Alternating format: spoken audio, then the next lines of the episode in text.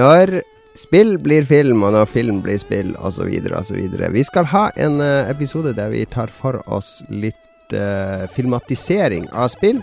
Uh, vi kan ikke kalle det for det som en av våre konkurrenter i Spillmatic hevder å ha oppfunnet det norske ordet for hva filmatisering av spill heter. Så vi kan ikke bruke det ordet, men vi skal likevel diskutere det. Jeg Er ikke enig om det, Lars Rikard? Jeg er helt enig. Hvem er det som har copyright på uh, ordet som du ikke tør å si? Voldemort. Nå sa jeg det. Voldemort. det, det, hevdes at det er Thomas Marinowski som oppfant ah. spillmatisering. Yes. Altså når spill blir film. Det er bullshit. Men da fjerner du fisering fra ordet. Ja, fisering. Det, det forsvinner, det. Det blir ikke det samme effekten. Men velkommen ja. til deg òg, Magnus. Hallo, hallo.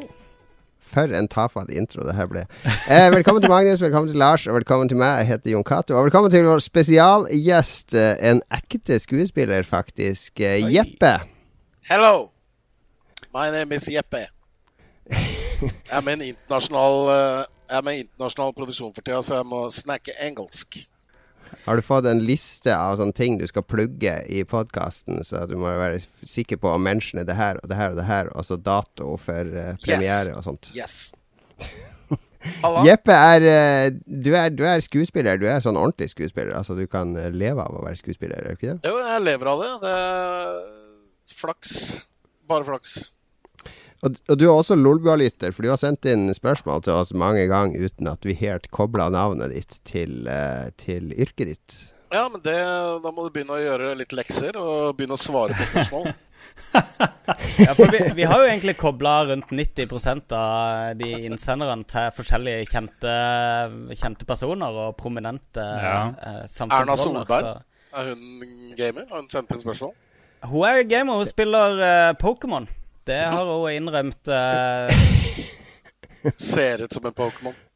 Vi, vi, hadde jo en som het uh, Vi hadde jo en som heter Wilborn, som sendte inn mange spørsmål. Så brukte vi alltid å kødde med at han var sønn til Fridtjof Wilborn. Og så var han jo sønn til Fridtjof Wilborn, så slutta han å sende inn spørsmål. Så det Ja, vi må oppfordre, oppfordre Wilborn til å rise from the grave. Vi savner deg, Fridtjof. Ja, vi gjør det. Absolutt. Savner. Og så har vi jo eh, broren til Alec Baldwin, eller sønnen til Alec Baldwin, sender òg en ting. Så det er litt mye Jeg er jo sønn av Arve Tellefsen. Ja. ja, absolutt. Så det er mange, mange connections. Mye celebs på gang. Yep. Yes. Men Jeppe, du er jo eh, Lars og Magnus. De kjenner jo det fra sånn som Død snø, f.eks. Ja. Eh, Magnus kjenner det jo fra Hotell Cæsar, der han tar jo opp alle sesongene der. Ja, det er jeg er på kjendis.no.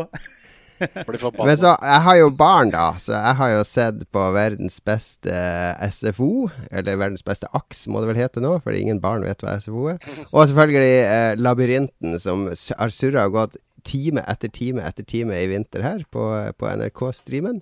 Og selv jeg klarte ikke å koble navnet ditt, selv om jeg har sett det på skjermen 100 ganger, før, før, vi fant det ut her om dagen. Nei, men Jeg tror jeg skal kanskje bare bytte navn til Daidalos, så skjønner alle det. Blir du, er det din store breakthrough-rolle? Blir du gjenkjent av deg som Daidalos på kjøpesenter? Kommer barna bort og skal angripe deg? Altså, hvis jeg går utenfor døra, så kommer det alltid et barn og sier at uh, jeg er Daidalos. Som om ikke jeg visste det selv. Nei, det er, det, det er blitt en helt sinnssyk suksess. Det er, uh, det er dritgøy å være med på, faktisk. Vi vant Gullruten. Hey. Hey. Nice. nice. Gratulerer. Beste barne- og ungdomsprogram. Oi, oi, oi. Veldig bra. Ja, det er et veldig kult program. Jeg, men jeg har også sett på den svenske, og han svenske Daidalos han er litt mer sånn der uh, svensk skrulle. Ikke sånn der uh, Du er mer sånn evil mastermind, sånn Mens han svenske er mer sånn Jaha da, da får de åke, da. Ja, jeg, ja. Jeg, jeg, jeg, valgte å tråkke mine egne stier uh, i den karakteren her. Jeg syns Ja. Han kanskje er litt tam. I forhold til meg, i hvert fall. Han, de, han, skaper ikke samme engasjement. For jeg sa til han mellomste sønnen min i dag at nå skulle Daidalos være gjest på Lolbua. Altså. Og så trodde han at du skulle komme hit. Da. Så det bare Å, da skal jeg, jeg skal banke han i tissen! Og så skal, skal Det var ikke måte Ja, hvis Daidalos kom hit. Det var ikke måte på uh, hva slags straff Daidalos skulle få hvis han, hvis han uh, entra vårt hus. Så jævlig kult, da. Han må hilse, da. Han ser litt for mye Han ser litt for mye Power Rangers, så det er derfor han har sånn kraft, uh, kraftangrep inne. Nei, men Veldig hyggelig å ha deg som gjest. Veldig hyggelig å være her. Uh, altså hjemme hos meg selv. ja, vi vi er veldig forsiktige med å slippe inn fysiske gjester. Det gjør det egentlig bare når vi har sånn jubileumsepisode. Men du står på terskel av sånn uh, internasjonal uh, Du skal ut, ut, i verden og skuespillere. Han har jo vært ute i verden. Det var jo Hans Grete Witchhunters var, jo, var du med i òg, husker jeg. Ja, riktig. Ja. Stemmer det. Og så er jeg med i Tommy Wirkolas uh, What Happened to Monday, som kommer nå på slutten av året. Så jeg har jo vært uh. utenlands før, men dette her er liksom Du har pass? Jeg har dansk pass. Hva faen, det går ut. Det må jeg fornye før eh, Ja, stemmer det. Ja. Nei, men uansett uh, Nei, nå, nå, har jeg jo vært så uh, Er det lov å banne på den sendingen? Litt sånn ja. halvbanne. Ja, ja, ja, Jævlig heldig å få rolle i The Last Kingdom. Som mm. Sweet. Ja, det er så sweet, ass. Sorry, ass. Ja. Hvilken Hva er rollen din der? Hvem er du i Kan jeg ikke si noe om. Kan du ikke det? Jeg kan si jeg, kan ikke, jeg får ikke lov til å si rolle, karakternavnet eller hvor lenge han er med, eller noe sånt, men Nei. jeg kan si at eh, det er en uh, kul karakter som jeg er veldig glad i å spille, og skal spille en stund. Uh. Er det derfor du har uh, det store, bustete skjegget ditt nå? Er det en forberedelse til rollen din? Nei, det er uh, en ongoing thing. Uh, har, vi har allerede gjort, uh, spilt inn første og andre episode, så nå begynner vi med oh, ja. tredje episode om en uke. Ja, ja riktig. Uh. riktig, riktig. Det er fordi Hivju har slått an i utlandet, ja, så alle nordmenn som skal slå an, må ha sånn vilt skjegg. Ja, men skal du spille dansk viking, så må du ha litt skjegg. Og det er Jeg sitter liksom to timer i sminka selv uten at de må plastre på masse skjegg, så da kan du bare tenke på alle de som er glattbarberte. og det blir litt sånn ett og ett skjegghårstrå på haken.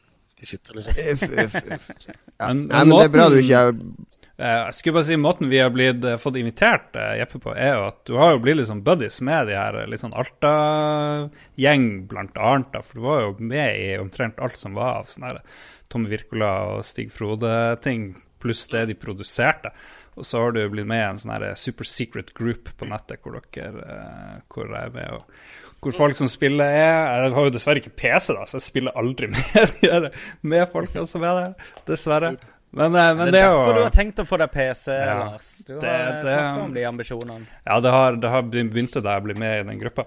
Men det jeg tenkte, var jo at eh, vi må jo vri alt, alt jeg sier, må vris mot meg sjøl, da. Så eh, jeg føler at det viktigste her er å påpeke at jeg tror jeg var med i en Tom Wirkola-film og Stig Frode-film før deg, da. Fordi jeg var Du kan se jakka mi, tror jeg, i uh, Kill Buljo 1. Jeg står ved siden av reinsdyret i bryllupet i starten, hvor alle blir drept. Det er viktig ja, å få drept, med seg. Ja, ja, ja. Alle ble jo drept, bortsett fra han uh, Stig Frode i det der uh, bryllupsgreia. Eller Så, Jompa, som han heter. Jompa, ja. ja. Men så er det, men liksom, hvordan var den der greia? Hvordan ble du adoptert inn i, eller liksom med i det der uh, crazy Finnmarksopplegget? Ja, det var uh, Når de skulle kaste til Død snø, så, så hadde jeg nettopp fått meg agent, tror jeg. Nei, da, han tror han, prøve, han ville ha meg i stallen, så han lokka meg med at jeg kunne møte en regissør for noen som skulle lage en skrekkfilm som ikke visste hva det var for noe. Mm. Og så møtte jeg, møtte jeg, Stig Frode og Tommy på pizzasjappe i byen. I Oslo by. Og så satt vi og snakka om film og Fifa i to timer. Og drakk øl og spiste pizza. Og så fikk jeg jobben. Så det er den letteste auditionen jeg har vært på noen gang. Og etter det så har jeg vel vært med i alle filmene til Tommy, så vidt jeg vet. Ja, det er ikke så verst. Han har jo bare gått oppover og oppover, så det er jo et ja, smart, smart trekk. Ja, ja, ja. Eh, vi skal snakke mer om eh, Jeppe og film, og eh, ikke minst filmer som baserer seg på spill. Eh, som vi har lagt litt som rammer rundt i dag. Men før det så må vi gjennom vår faste spalte, der vi eh, deler litt av våre opplevelser i det siste. Eh, kanskje Magnus har lyst til å starte der. Ja. Han har ikke gjort annet enn å spille Overwatch og se på EM. Jeg har uh, definitivt spilt Overwatch og sett på EM, men jeg fant også litt tid til å dra på Klekken. Sammen med deg, ja. Jon Cato. Du må forklare hva klekken er for noe. Ja. Ja, hva er klekken? Klekken er et uh, De kaller det et spillkonvent. Jeg syns konvent er et så veldig sånn der uh, Litt sånn rart ord å bruke på norsk. Um, men det er en convention da for, eh, for spillutviklere i um, Et seminar heter det på norsk. Seminar, Et seminar. er veldig bra. Veldig bra. Men uh, de kaller det nå spillkonvent. Da. Der samles uh, utviklere fra hele Norge og uh, snakker om spill. Holder seminar, holder foredrag for hverandre. Og ikke minst drikker uansvarlige mengder med alkoholenheter på kveldstid. Og fortsetter å snakke om spill. Og seint ut i de aller seneste nattetimer så er det gjerne en laptop eller ti som lyses opp, der folk skal begynne å vise demoer og det, blir veldig mye, veldig mye av det. Mens, eh, mens andre som oss, som er helt uh, analfabeter når det kommer til programmering, fokuserer på drikkedelen av det. da. Og da er, det skuffa ikke denne gangen heller. Jeg var i seng fire, tror jeg. Og du, Jon? Når var du i seng? Ja, det er tre, tre Klokka tre rømte jeg fra psytransen på verandaen. Eh, det ble sånn psytrance-hjørne. Jeg gikk inn og skulle legge meg og supersliten. Så, var, så hadde vi ehm, De hadde gjort en feil når de skulle registrere meg, så de, de hadde ikke fiksa hotellrom til meg. Så de måtte gjøre det sånn i siste liten. Og da fikk jeg selvfølgelig sånn supersvært rom med sånn der sofagruppe. Og det var skikkelig luksus. Diger dobbeltseng og alt sånt der, så jeg gleda meg skikkelig til å gå og legge meg. Så var jeg, ah, nå skal jeg slappe av. Skal jeg kanskje ligge og se litt på iPaden, og så sovne? Og så kommer jeg inn på soverommet, så er iPaden min helt tom for strøm. Og alle som har opptatt, eh, opplevd det på natta rett før de skal legge seg, så vet de at det tar i hvert fall 20 minutter før den har nok strøm til å skru seg på igjen. I tillegg så var det jo narspill rett over mitt rom. Det er jo du Og som skulle ha nachspielet, da, for guds skyld. Jeg Du vet som det. hadde- Jeg burde ha hatt nachspielet, men, men jeg var liksom den ansvarlige denne gangen. Da. Så det, men dette her er sånn her skikkelig gammelt bygg, fra, sikkert fra sånn eh, 40-tallet, 30-tallet eller et eller Det er jo annet. The Shining-hotellet. Ja, det er skikkelig shining, så det knirker, og det er skikkelig lytt der og alt sånt der. Så jeg hadde basically et nachspiel oppå trynet mitt uh, i, uh, i hvert fall i noen timer til før jeg klarte å sove. Så det var Det er veldig, veldig kult sted, for det er jo på Hønefoss, eller rett ved Hønefoss. Ikke rett ved heller, det er et stykke eh, før du kommer til Hønefoss.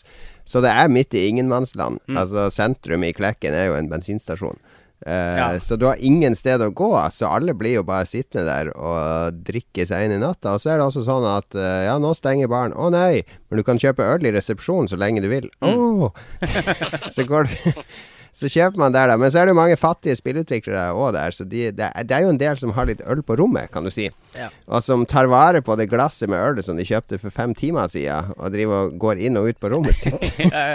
Men det virker som de ser veldig mellom fingrene på det, så lenge du ikke løper rundt med ølbokser utenifra. Da kommer de og er veldig strenge og ber deg om å bære de tilbake til rommet ditt. Og det var en type som var sånn her oppsynsmann som liksom var Det var akkurat som å være på leir i år. For det, det var en sånn, sånn streng eh, type som gikk rundt i dress og var sånn sint. Og han så jeg gikk med en ølboks i gang, og så bare 'Du kan bare snu med en gang og gå inn på rommet og sette fra deg den øla'. OK, OK, ok, jeg skal gjøre det. Jeg visste ikke det ikke var lov, og sånn. Og så går jeg ut, og så så går han rundt og eyeballer alle og plukker sånn bokser rundt fra under bordene og alt sånt der. Og når vi gikk og la oss Når vi gikk og la oss, da var det noen som hadde drevet legeslåss ut på plenen, og det, var, det er jo andre gjester der også mens vi er der, da. Så, så når vi liksom gikk og la oss i uh, firetida, så sto han liksom og holdt seg på livet og så sånn strengt på oss mens vi måtte gå forbi og kikke i bakken. Han var Ja, sånn her det, det, du, kan, leirleder. du kan stort sett gjøre hva du vil der. Ja, Han er bare der for å passe på at du ikke brenner stedet, eller begynner å rive ned uh, ting fra veggene. Altså, eh, han, han vet at folk er drita, og det er en barnehage. Så det er bare å passe på at ungene Det er akkurat som å være i barnehage. Bare pass på at ungene ikke tar livet av seg, eller Han brenner var, han var litt sintere enn det, men det, det, det ga egentlig en litt sånn ekstra kvalitet til hele greia. For du fikk liksom Du fikk oppleve det der med å være litt sånn i opprør igjen, da. Være litt sånn rampunge og Så lo vi litt sånn hi-hi-hi. Det høres veldig ekstremt ut å legge seg, og så var det tomt med strøm på iPaden. Det høres skikkelig, skikkelig Du, det crazy er ut. jeg syns det, det er noe av det verre som kan skje, hvis jeg gleder meg til å legge meg. Bare ligge Var det da du tweeta 'Gikk i seng, iPad tom for strøm. FML'. FML. Men i fjor så ble det jo litt mer eh, skandale da jeg var Ja, var med jeg som din stedfortreder. som- Jeg var jo vikar for deg, og da ble det jo liksom bråk. Var det noe Ja, antydning til ja. eh, skandale i år, eller? Nei, Ja, vi måtte skrive under en sånn derre Lars- Lars-embargo som de hadde laga i år. Ja. Nei da, det var i fjor, så altså, Greia med Klæken er at alle deler Det som er litt kult med spillutviklerne i Norge, er at alle deler ganske fritt seg imellom. Inkludert Funcom, så mye de kan, da. De er aksjenotert, så det er litt eh, problematisk for de å dele for mye. Men alle andre de deler helt fritt av eh, opplevelser og erfaringer, og også de dårlige opplevelsene og erfaringer. For i mange bransjer så er det sånn at man bare eh, snakker opp alt det positive som har skjedd, og så deler man aldri det man har drept seg ut på. Ja. Men så på Klekken så er det litt sånn Det her gjorde vi helt feil. Ikke gjør sånn som oss, kan det være et foredrag. Mm. Uh, og da er det jo sånn at i fjor så var jo du med og tenkte det kan vi jo dekke litt for Lolbua. Og da Det var ikke sånn veldig sensitive ting, men det er ting som, hvis, som folk kan plukke opp internasjonalt. I hvert fall når det gjelder drømmefall og sånne ting. Ja, det var, Så, det var litt bullshit. Det var litt For bullshit, eksempel, bare for å ta et helt sånn løst eksempel. Drømmefall. Det var litt bullshit, men det var Jo, men det var Det er ikke meninga at, eh, at det skal være presse der. Det er ikke meninga at det skal være presse der for å dekke Eller for å dekke ja. de La oss ikke rippe er- opp i det. La oss ikke rippe opp. Jon Cato Altså, har gått over til fienden. Det hører vi jo uansett. Tydeligvis. Full Judas der nå. Eller Ja. Quisling Men er sånn som kanskje i år, bedre. så var det to eh, Det var to i år som hadde en, en time lang talk om hvordan du får spill på Xbox og PlayStation. Mm. Og der bryter du veldig mange av de NDA-ene ved å dele de eh, rent tekniske utfordringene og alle kravene og all, alle tilbakemeldingene du har fått fra Sony og Microsoft, og t Mm. ting du kan gjøre feil og sånn. Det har du egentlig ikke lov å prate om, ifølge de avtalene. Men det er, det er jo bare Vi vil jo gjerne dele, så andre slipper å gå gjennom det samme, ikke sant? Ja. Absolutt. Så, men det hadde ikke vært så kult hvis pressen tok et avskrift av alt som ble sagt der, med, med alt vås og tullet som Microsoft og Sony kan finne på.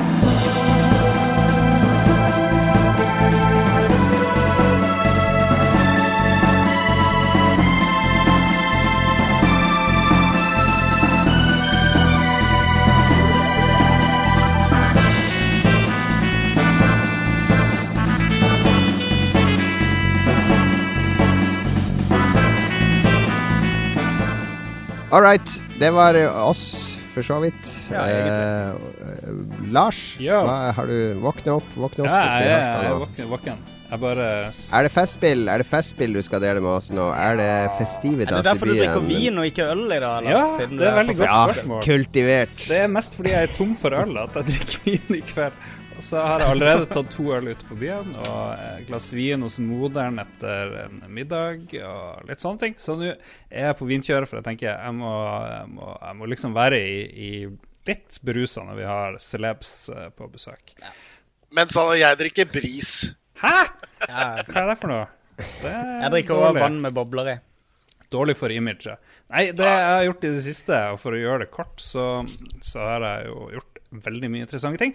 Det kanskje mest interessante er jo å klippe sammen forrige ukes podkast Lolbo 119, hvor jeg klippet ut fire minutter med Og hvis noen har fulgt nøye med nå, så har Magnus sagt eh, hvis dere hører på liven da, og ikke på opptak, for da blir jeg klippet bort. Men så har Magnus sagt um, i cirka, sikkert ett minutt til sammen allerede i denne sendinga. Ja. Er det sant?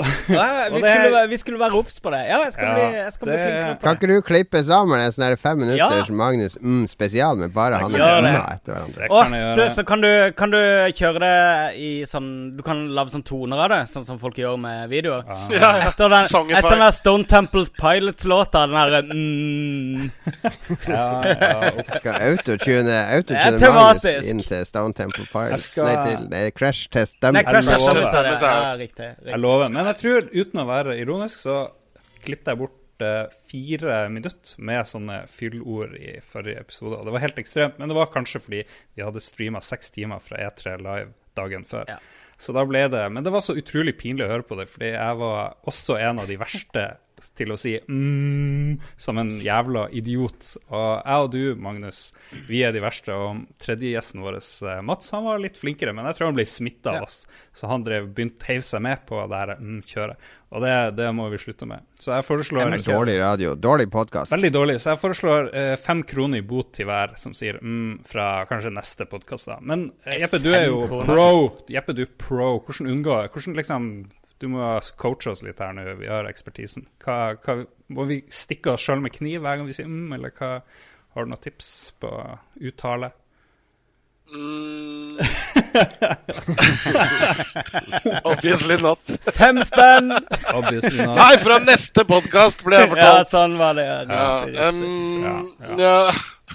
Så det har jeg gjort. Jeg fikk jo jævlig lyst til å si mm, hele podkasten Ja. nå. Men skal vi heller ha sånne kunstige pauser der ingen sier noe? Så jeg spør sånn Lars, hva har du gjort i dag? Så er det bare Ja, men det er mye bedre. å... Det er mye lettere å klippe bort pauser enn å måtte høre Sier du mm nå, eller sier du noe fornuftig nå? Så hold heller La oss kjeft. endre, la oss endre all, adferd, all menneskelig atferd etter din klippejobb. Etter du har hørt deg sjøl si mm i to minutter, så tror jeg kanskje du vil endre mening. Det er Jeg tror du har rett. mitt Jeg tror du har rett. Eh, Jeg tror det ligger i det naturlige språket, kanskje. Jeg vet ikke. Jeg, jeg Ja. føler at jeg ikke sier så mye sånn mm og sånn, men uh, Jeg hørte podkasten til han ene i Mythbusters som heter Still Untitled, han Adam Savage, og han snakka om hvordan han måtte trene seg sjøl bort fra å si fyllord, og i stedet tenke litt fremover på hva du skal si, i stedet for å Ja. Og så er det jo gjerne mm i begynnelsen av en setning, så da bare venter du i et halvt sekund inntil du vet hva du skal si, i stedet for å si mm. Så Det blir mange rare pauser da. Ja, det er det jeg mener. Da blir det litt sånn Da blir det som å lagge i RL-prat, liksom. Jeg tror det har med vane å gjøre. Du hører aldri noen i eh, Hvis du hører på Howard Stern, som har sånn tretimerslange radiosending, så sier han aldri mm, tre milliarder ganger, som han ville gjort hvis han var en del av Lolbua. Så det går sikkert an er ja, men han, jobber eh, jobben hans er jo å skravle døgnet rundt, så da, da blir de jo fort vant til å bare snakke. med ham. det er Ja. mye tomprat der. Ja. Eh, veldig mange av de amerikanske podkastene, spesielt de som er bare én person og gjester, det er utrolig mye. Det er sånn fem minutter med, med in ingenting. Ja. Og, så, Ja. og så er det litt sånn seriøs prat. Jeg tror mitt problem er at uh, jeg, jeg har liksom Jeg bodde i Oslo i 15-16 år, faktisk. Og, så jeg, jeg tror jeg prater litt høy Eller nei, litt uh, kjappere enn dialekten min egentlig er konstruert til at jeg skal prate. Så den derre mm-en, det er egentlig bare for å synke med min sånn her mentale mitt mentale tempo i Ah. språket. da Ja, men det her kan bli hjernetrening. Det er det dummeste Det er det dummeste forklaringa jeg har hørt i mitt liv. Trodde du, trodde du det var en seriøs forklaring, Jon? Du prater fortere enn eh, du Ja, ok. Greit. Hva, skal du dele noe mer, Lars? Jeg ser du har skrevet noe helt annet i sendeskjemaet enn det du snakker Ja. om nå. Ja, det- Jeg måtte jo ta det viktigste. Og hvis jeg skal si noe jeg har reagert på i det siste, så må det jo være at en av kompisene våre sier en pappa har dødd. Vi trenger jo ikke si det her, han kan Nei. si det sjøl på Ja. Uh, selv, men eh, det er jo utrolig trist. Og både jeg og du, Jon, har jo mista pappaen vår eh, før de burde forlate jorda. Så det er en skikkelig kjip ting, og man begynner jo å tenke over livet og kjærligheten og alt mulig, egentlig. Så det har jeg fokusert litt på. Det er jo ikke noe, jo ikke noe gøy. Det er jo ikke noe gøy. Man, men jeg har, føler jeg lærte noe av at min pappa døde. Så når noen andre sin pappa dør, eller mor, eller et eller annet, så føler jeg at jeg kan eh, være litt mer til stede enn jeg ellers ville vært. Fordi hvis det her skjedde før min pappa døde, så ville jeg ikke visst hva jeg skulle si. Men nå tenker jeg at ja, ja, nå er det veldig lett å vite hva man skal snakke om. Eller man kan si bare ja, ja, hvis du trenger noen å prate med, så kan du prate med meg. Og det er jo noe, det er jo en av de få bra tingene med En erfaring, en erfaring du har vært gjennom. Ja, Så, ja. så Men det er jo en av de største opplevelsene du kan ha i ditt liv. Det er jo at de som brakte deg til verden, at de plutselig ikke er der. Et slags sikkerhetsnett. Nå er du plutselig på egen hånd. Veldig spesielt. Min uh, far døde også uh, litt for tidlig, så jeg kan relatere til det. Og det er veldig, veldig spesielt, en veldig spesielt eh, øyeblikk og tid i, både i forkant og etterkant. Ja. Kondolerer så mye. Mm. Ja, vi hadde vel en sending der vi, der vi snakka litt om eh, spill som man bearbeida sorg med, hvis jeg husker rett. Det er ganske lenge siden. Men eh, Ja. jeg brukte jo Eller jeg kjente jo masse på følelsene til min far i spillet Proteus, f.eks., der jeg snubla over en kirkegård i det abstrakte landskapet. Og det er sånn eh, organisk generert musikk da, basert på omgivelsene, og så begynte det å regne der, og så, og så var jeg liksom helt alene på den øya, og så ble, fikk jeg en eller annen sånn Det vekte noen følelser i meg, da, eh, som jeg ikke har fått fra noen andre spill, egentlig, men det er eh, det er vel det kunst egentlig handler om, å, å vekke følelser i det, og koble ting eh, fra ditt liv via kunsten eh, inn i ditt liv igjen. Ja. Så nei, men det er, det er hardt å miste. Ja. Jeg så en uh, jævlig heftig kortfilm. Det var Jeg husker ikke hvilke kanaler og sånn. Det var For en stund siden så var det en eller annen YouTuber som, som eh, spurte seerne sine om man kunne ha spirituelle opplevelser på, på mens man spilte spill. Ja. Og da var det en som skrev inn en greie om faren hans, og han hadde spilt rallyspill på Faen, nå står det helt stille hvilket spill det var. Det, det er kjempe... ja, det var rally Det var på Xbox, tror jeg. Det var på Rally Xboxen, ja. Hvor han det dro, Ja, når sånn faren døde, når faren døde, så la han fra seg Xboxen. Han var seks-sju år eller noe sånt. Så fant han igjen Xboxen ti-elleve år etter. Og da slang Mm. på det spillet, for han ville ja, kjenne litt på det igjen. Og plutselig, på den ene banen, så er ghostet til faren Ja. Hvor han kjører Ja, faen, får jeg gåsehud. Så han kjører, eh, han kjører rallyspill med faren sin, som har vært død i ti år. Og det, er Ja. en, det tror jeg er en helt magisk opplevelse. ja. Jeg husker Mm. den uh, greia. Den ble, ja, ble nevnt uh, mange steder etter hvert uh, på nettet. Ja, og det, det ble laget en kortfilm som ligger på Vimeo. Oh, ja. Ja. Han ville ikke slette ghostet til faren sin, ikke sant? Han ville ikke Nei, slå ja. faren, Fordi da ville ghostet, ghostet bli sletta automatisk. ja, riktig. Ja. Magisk. ja, nei, det er eh, det, Jeg driver og planlegger min egen begravelse. jeg. Senest i dag så snakker jeg med kona mi om alt som skal skje i den begravelsen. Jeg, har, jeg skal lage sånn elaborat en ukes langt opplegg med masse kortfilmer jeg skal spille inn, og hologram. Og da ser jeg den der svenske filmen 'Fire nyanser av brunt'. Der, det er sånn millionær som dør. Han har brukt hele, hele formuen sin på å lage sånn hologram av han sjøl som skal danse oppå oppå kista. da. Så han har brukt mange millioner på det, da.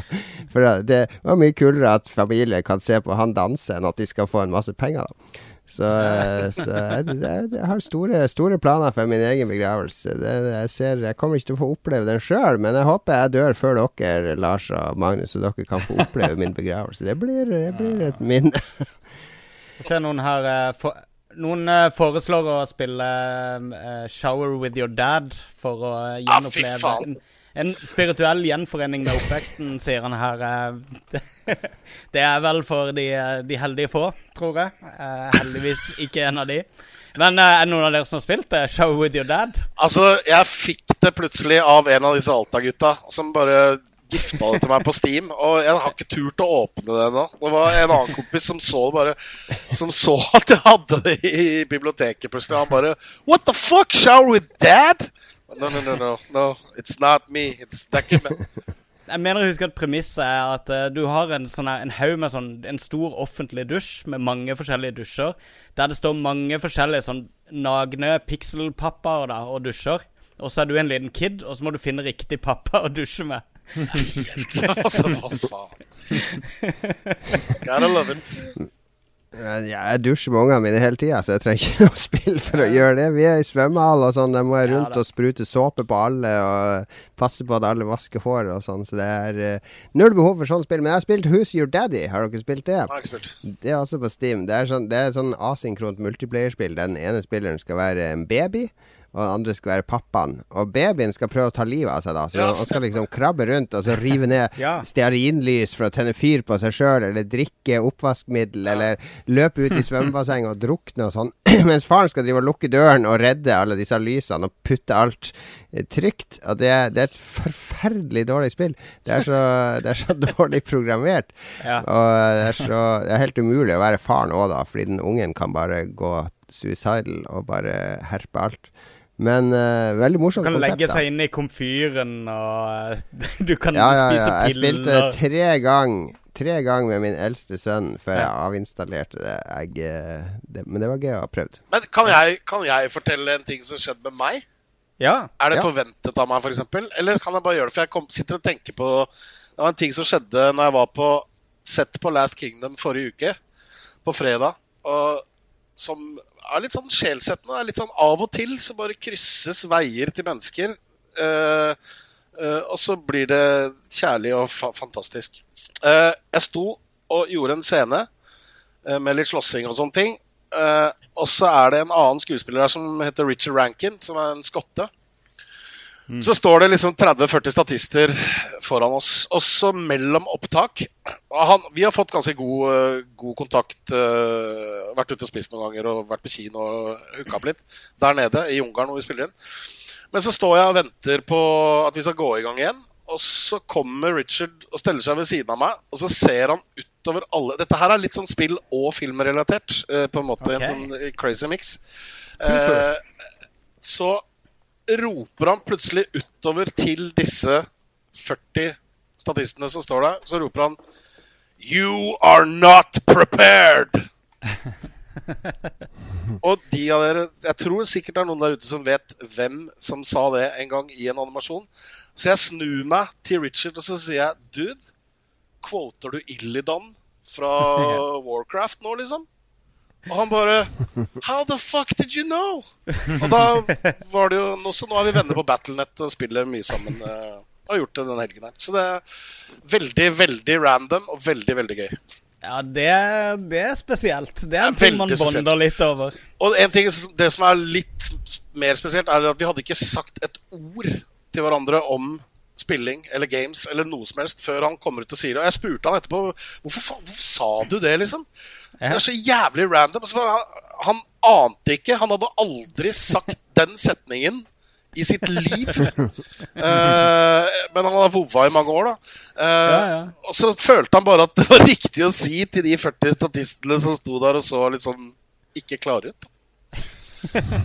så det er pretty fucking random og veldig, veldig gøy. Morsomt. Så det, det har jeg opplevd.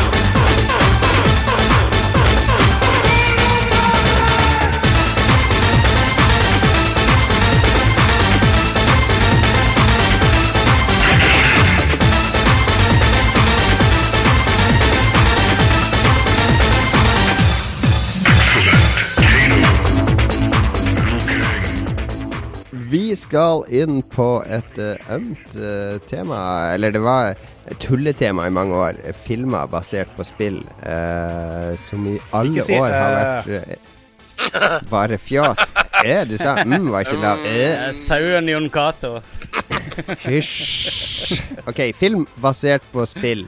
Eh, på 80-tallet, når jeg vokste opp, så var jo spill basert på film, det var jo døden. Det var, det var ingen spill basert på film som var kulere. Alt var sånn hastelisenser og Oceans bak og sånn, helt til Golden Eye kom da og snudde litt opp ned på de konvensjonene. Men før det så var det jeg husker jeg spilte Cobra, eh, basert på Sylvester Stallone-filmen, som ingen husker lenger. Eh. Rambo-spillet var litt Kommando. bra, faktisk. Kommando. Kommando Ikke var ikke basert på filmen, det var et eh, Capcom Arkadespill før filmen kom. Så de har ingenting med hverandre å gjøre. Men, eh, men det var Når de begynte der koblinga mellom Hollywood Og det som var kult på 80-tallet, var at det kosta ingenting å kjøpe en sånn filmlisens. Altså Terminator, Robocop, alt det der. Det var bare pff, spill, ja OK, vær så god, bare lag det. Ja. Uh, men nå er det jo big, big business. Nå, nå skal de lage film av Tetris og Angry Birds og Fruit Ninja har de jo til og med annonsert eh, en film basert på Battleship òg, må du huske. Battleship, eh, Ja, den kom i fjor? Forfjor? Ja. Ja, ja, ja. Og du har filmer som Pixels, eh, som, som tar opp spillkultur Jeg vet ikke hva den tar opp, egentlig. Den, den i hvert fall casher inn på spillfenomenet på et eller annet vis. Og Racket Ralph. Eh, Ja, og så har du også eh, Resident Evil har jo blitt en relativt stor filmserie. Det er vel fire filmer i den serien så langt, så de, da må de jo ha tjent penger. Så da Ja, må det jo være et publikum som har satt Tomb pris på Raider har inntrykk av har vært ganske suksess, har det ikke det? Tomb Raider har gått OK. Den eh, kommer jo en ny versjon nå, basert på nye Tomb Raider med norsk regissør. Ja. Roar Uthaug skal jo lage eh, Tomb Raider-filmen Ja. med, med nye, unge Lara Croft. Det har jeg glemt. Absolutt. Så det er masse som skjer, koblinga mellom der. Og, og det er jo litt naturlig i og med at det brukes mye samme teknologi, animasjoner, CGI osv. Men også fordi de narrative spillene, eller de med tunge historier, gjør seg jo egentlig veldig godt. Uncharted er jo egentlig en film i spillform, ja. for eksempel, og, og, og så videre. Men er det sånn at, at film basert på spill er blitt stuerent nå? Er det noe man kan gå og se uten å tenke uten å ha, Man har ofte litt sånn lavere forventninger. Ah, det er basert på et spill. Da er det sikkert litt sånn B-vare. Eller, eller kan det bli A-vare nå? Er Warcraft en A-film? Jeg, jeg så Warcraft for et par dager siden. Jeg må si at eh, jeg hadde ganske lave forventninger til det etter å ha sett et par trailere og sånne ting, men den overraska meg litt positivt. Uh, men jeg tror spill, nei, film basert på spill må, må ha like mye å tilby til folk som ikke har spilt spillene, ellers så går du eh, kjapt i en felle. Tror jeg. Og, mm. Det er klart at når du ser Warcraft-filmen og du har spilt uh, Warcraft 1, 2, 3 og WoW eventuelt, og, og kanskje lest litt tegneserier og sett litt filmer og noen bøker og noe sånt, uh, så, så tilbyr den mer til en som har spilt og, og kjenner universet fra før av, enn en, en som ikke gjør det, tror jeg. Ja. Eh, jeg, vil, jeg vil vel kanskje gi filmen en sterk firer, Wow. kanskje en femmer, som Warcraft-kjenner. Ja. Mm. i forhold til law og, og utseende på karakterer og scenografi og kostymer og alt sånn, men som Hvis jeg ikke kjente til det, så hadde jeg ikke ja, Kanskje en helt plain lunka treer, kanskje. Ikke sant? Men det er jo litt sånn Du, du trenger liksom ikke gå, eh, gå helt over til spill for å se det samme. Se på uh, Ringenes herre, da. Et godt eksempel på noen som tok veldig hardcore nerdekultur og, uh, og klina det veldig opp. Og klarte liksom å appellere til Ja. mamma, samtidig som de der som bodde i denne Hobbit-landsbyen i Frognerparken, også liksom satt med frysninger under eh, premieren. Så så, men, men det er en veldig balansegang å gå. Jeg tror kanskje lettere med bøker, men, men eh, det, må jo, det må jo skje snart med spill. Jeg hadde håpet at Blizzard var de som skulle klare det. da. Jeppe, du er jo inne på et eller annet. Du må liksom tilby noe til både fansen og til de andre. Men det er jo, da gjør du det veldig vanskelig for deg hvis du, hvis du lager en film vanilla, hvis du lager noe helt fra begynnelsen av. For da trenger du ikke tenke på et eksisterende publikum. Du må bare lage den filmen du skal lage. Men jeg, s- og så lurer jeg på hvorfor, hvorfor er det så mange elendige spillfilmer? Jeg vet ikke, Er det noen av oss eh, alle sammen som har tenkt på det? For de har jo vært egentlig gjennomgående ganske drit. Jeg vil tro Jon Cato har veldig rett i at eh, de var så billige, de lisensene, og at eh, det derfor er lagd veldig mye. Og at du har allerede et kjernepublikum. ikke sant? Altså Du lager det med en, med en demografi. Du, du vet at dette spillet har solgt tre millioner. Ok, det er tre millioner som kanskje vil se denne filmen. Men det andre er jo at eh, Uwe Boll, den gale, gale doktortyskeren som eh, eh, bare lager drittfilmer, han står jo bak kanskje 50% av disse filmene, og har jo brukt det i utstrakt grad til å drive eh, Jeg vet ikke om det er hvitvasking eller hva det er han driver med, men han pøser i hvert fall utgifter inn i disse her skikkelig møkkaprosjektene. Uh, som han bare, i hvert fall for en tiårs tid siden, bare Jeg vet ikke, han har vel en 15 spillfilmer eller noe på samvittigheten opp igjennom. Og han, Jo, han har laga veldig mye. ja. Og han eier veldig mange lisenser også, som han kjøpte opp til en slikk og ingenting. Og ja. Um, så derfor så han har, Jeg tror han har bidratt veldig til å dra ned hele det der spillformat, spillfilmformatet. Jeg tror også at eh, de forskjellige studioene rundt omkring, eller USA, som, som kanskje lager flest av disse her, de nedprioriterer de veldig eh, pengemessig. Så, og det mm. har jo en del å si på hvilke skuespillere du eventuelt får hyra inn. Hvor mye penger du har til CG, hvor mye penger du har til produksjon av selve filmen. Altså, så, så det kan kjapt bli crap tror jeg. Rett og slett. Men det var jo greia med Men det som, Uwe ja, det som kjennetegner de Ja, Uwe Boll Han lagde jo House of the Dead. Den har jeg sett. Og Alone in the Dark. Jeg har sett mange av Uwe Boll-filmene av eh, ren uh, businessinteresse. uh, Alone in the Dark er med Christian Slater, tror jeg. Men uh, House of the Dead er en det, er en det er en opplevelse å se den filmen. Den er så dårlig laga. Men han, han er jo et kapittel for seg sjøl. Det, det er jo andre i Hollywood som har laga film. For eksempel, eh, det var jo en Super Mario-film med Mm. Bob Hoskins. Den som jeg på kino. eh, eh, nei, hvem var det? Det var Jo, jo Bob han Hoskins. Bob Hoskins, ja. Som Bob Mario. Hoskins som Mario og øh, Dennis Hopper Dennis som, Hopper, ja. som Bowser, og så videre. Som, som ble Men det ble jo laga Problemet ofte når de lager sånne filmer, er at de skal knytte det såpass tett opp til kildematerialet at det går for samme målgruppe og skal for, formidle noe av det samme. Men jeg føler at de filmene som kanskje gjør det bra, sånn som Tomb Raider, tar litt mer eierskap. Eller de tar Mm. premissene for spillet, og så gjør de det om til noe som lages på filmen sine premisser. Nettopp. For du kan ikke bare overføre én til én. Det er akkurat som den evige debatten om The Shining, om filmen er bedre enn boka eller ikke. Jo, men filmen er laga basert på Stanley Kubrick sin visjon Mm. av boka, og ikke sånn som Stephen King som føler seg boka. Og derfor blir filmen bra. Hvis du bare skal oversette en bok til film, så blir det sjelden bra. Du må lage den på filmen sine, eller du må bygge den opp som en film. Jeg har eh, Stanley Kubrick eh, Nei, jeg mener Stephen King-boka di, eh, The Shining, liggende i hylla mi nede i kjelleren. Beklager det. Lånt den i 20 år, kanskje. De lagde en ny versjon, gjorde de ikke det? De, de lagde en ny versjon av Shining. Uh, Jo, de lagde en som var mer approved av, eh, King? King. Ja. Ja. fordi han var uenig i en del valg som Kubrick tok. tenk, å, tenk å ikke like The Shining av Stanley Ja, Kubrick. Da er du koko i. Da har du et issue, egentlig. Men den beste spillfilmen Jeg bare sier det med en gang. Olav Helleland har, Helleland har kommet med bidrag til oss på Facebook. Han Ja, sier ja, at Uno-filmen er ganske bra, og det er jeg helt enig i. Og den er jo norsk. Så ja, den likte jeg. Den er bra. Det har du mange timer i, Magnus. Jeg har spilt ekstreme mengder med Uno på Xbox, faktisk.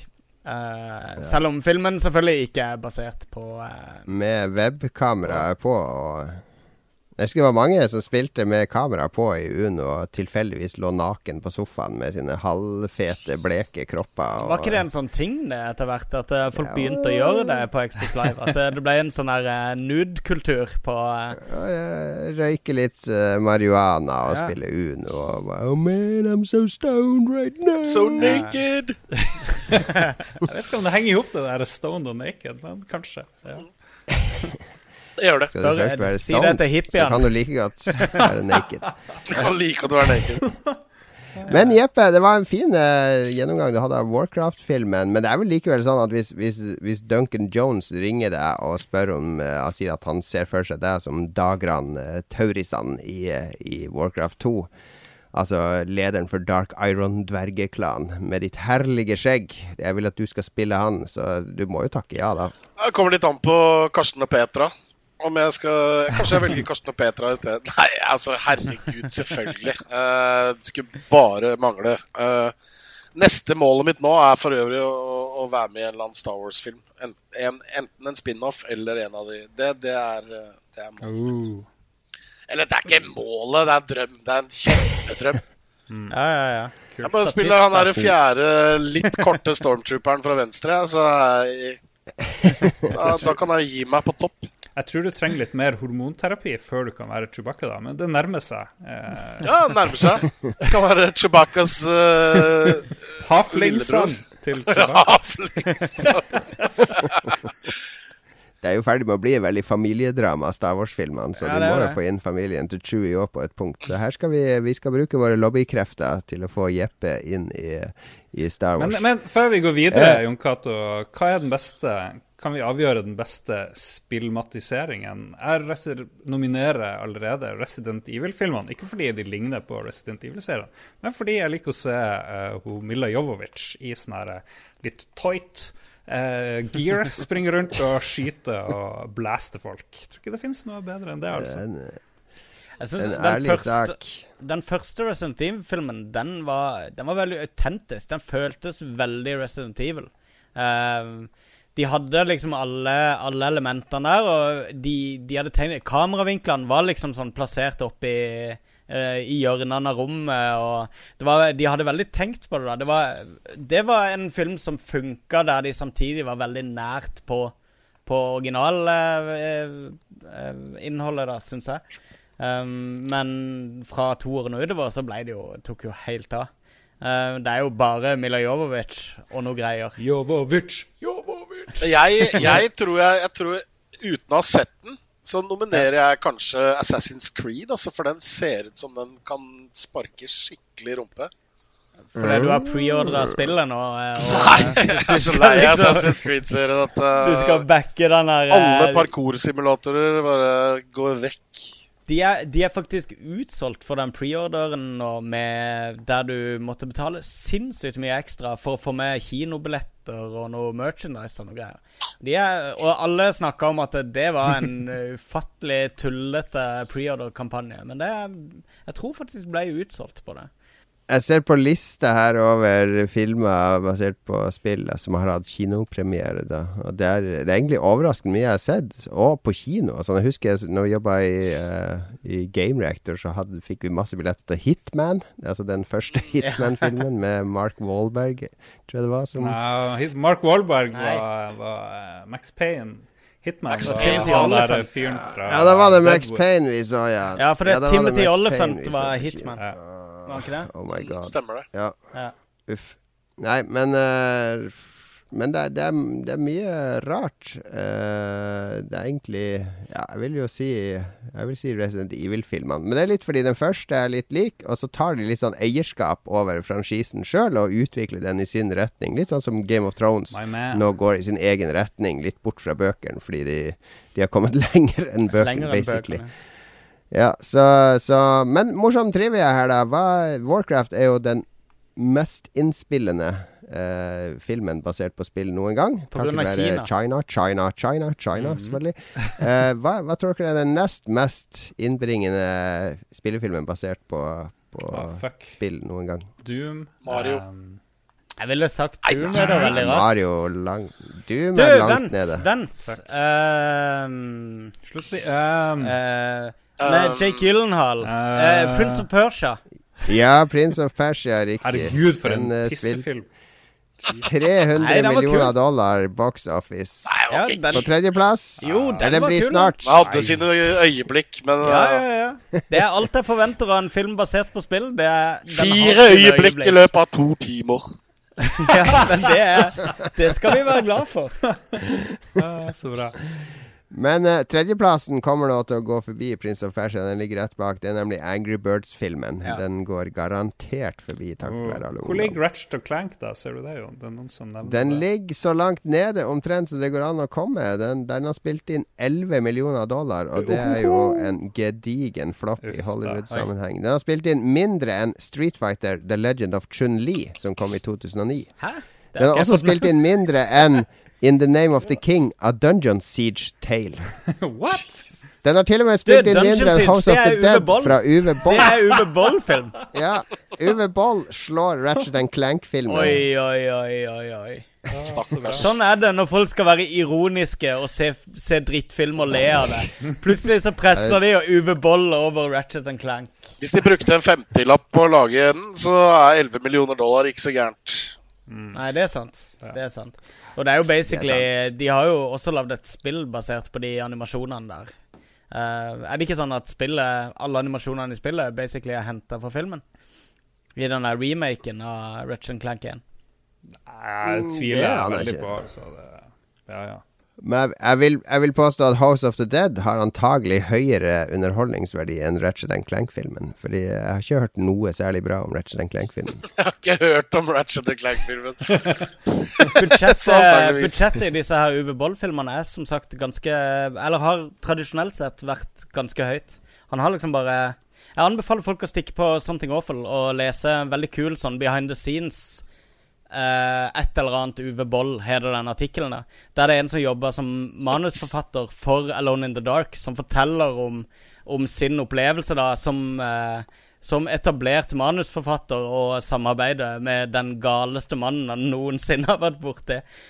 Og da var liksom Det begynte Hele premisset var liksom Alone in the Dark. De som har spilt det første Alone in the Dark-spillet, de, de vet at det, det er basically sånn Kolf Cthulhu-stemning, 1800-tallet, og det er veldig sånn det er veldig skummelt, og det er ikke så mange monstre, men når de dukker opp, så er det dritskummelt og sånn. Så de var liksom Ja, vi må liksom harnesse akkurat det. Vi må liksom kjøre på med veldig få monstre, og kanskje bare vise de at eh, du ser noen øyer i skyggene dine iblant, så ikke før veldig nærme slutten så begynner du å kunne se monstrene som eksisterer sånn. Og Uwe Boll var bare Nein! Der var det rett inn. Han skulle ha han, han skulle ha store eksplosjoner og biljakter og sånne Matrix eh, i første scene. Og han skulle se alle monstrene i CGI med en gang. Det var hans greie, da. Så jeg anbefaler å lese tre sider med, med Gale-Mathias eh, eh, filmteori. Så um, Følg Magnus Tellefsen på Twitter for link til den Something. Awful-artikkelen. definitivt. Eh, vi har fått noen lyttebrev om eh, film basert på spill, har vi ikke det? Lytterbrevguru Lars. Jeg vet ikke om vi har tatt med Uno at det var den beste filmen, og det er vi jo enig i. Den norske Uno. Folk nevner Det er. Flere har nevnt Trond, og det er jo en liten misforståelse. Er det ikke det? Men det er jo litt interessant, fordi Trond handler vel ikke om eh, dataspill, men at eh, folk blir sugd inn i et dataprogram, og så blir det som å være i et spill. Så, og Ja. Trond var vel aldri et spill før det ble en film, sånn sett. Nei, filmen kom i, fra 1982, er det ikke det? Det der eh, Ja, den er tidlig 80-tall. Det er jo om å man blir fanga inn i datamaskin og, og nettverk. Jeg bruker masse sånne uttrykk, og, og du er liksom på kretskort og kjører om kapp med lyssykler og sånne ting. Det er en veldig kul datakulturfilm, da. Men den var ikke basert på noe spill. Men den har jo masse spillelementer i seg. Absolutt. Og så den nye Trond Legacy, som var en ganske skuffende film, har jo mitt favorittsoundtrack fra de siste Jeg vet ikke hvor langt vi går tilbake, ti årene kanskje, eller noe sånt, tror jeg. Det er jo Daft Nei. Punk som lagde et absurd bra eh, soundtrack, som ble enda bedre da det ble remiksa, egentlig, av forskjellige folk. Eh, D-Rest heter vel den der eh, remix-plata som kom derfra. Jeg husker jeg så um, jeg, jeg husker jeg digga Mortal Kombat-filmen da den kom. Det var liksom en, en kul, uh, cheesy martial arts-film, husker jeg. Ja. En eller annen gang på 90-tallet. Den hadde, den hadde skrevet vi på lolgo.no i dag, hvis folk vil gå og se en liten oversikt over spillfilmer. Mortal Kombat-filmen hadde det bestselgende eh, spill-soundtracket, spillfilm-soundtracket noensinne, ifølge Guinness World of Records. Det fikk sånn platinum ganger X, kombinert techno og metal. Beklager, Magnus. Ja, nei, det var, det var et eh, fint, eh, fint tillegg til, til min lille uttalelse. Eh, om vi har noen andre gode spillfilmbidrag Skal vi se Street Fighter nevner folk. Double Dragon, Mark Dacascos, en god sånn eh, B-film-dude. det er selvfølgelig Jens Arthur, vår venn, som nevner Og han har også Dead or Alive-filmen med Eric Roberts som eh, skurk. Jeg og Charter så den. Syns det var ganske morsom. Og så Far Cry. Eric Roberts har Eric bad Roberts. rap. Bad rap. Stakkars Eric Roberts. Thank you.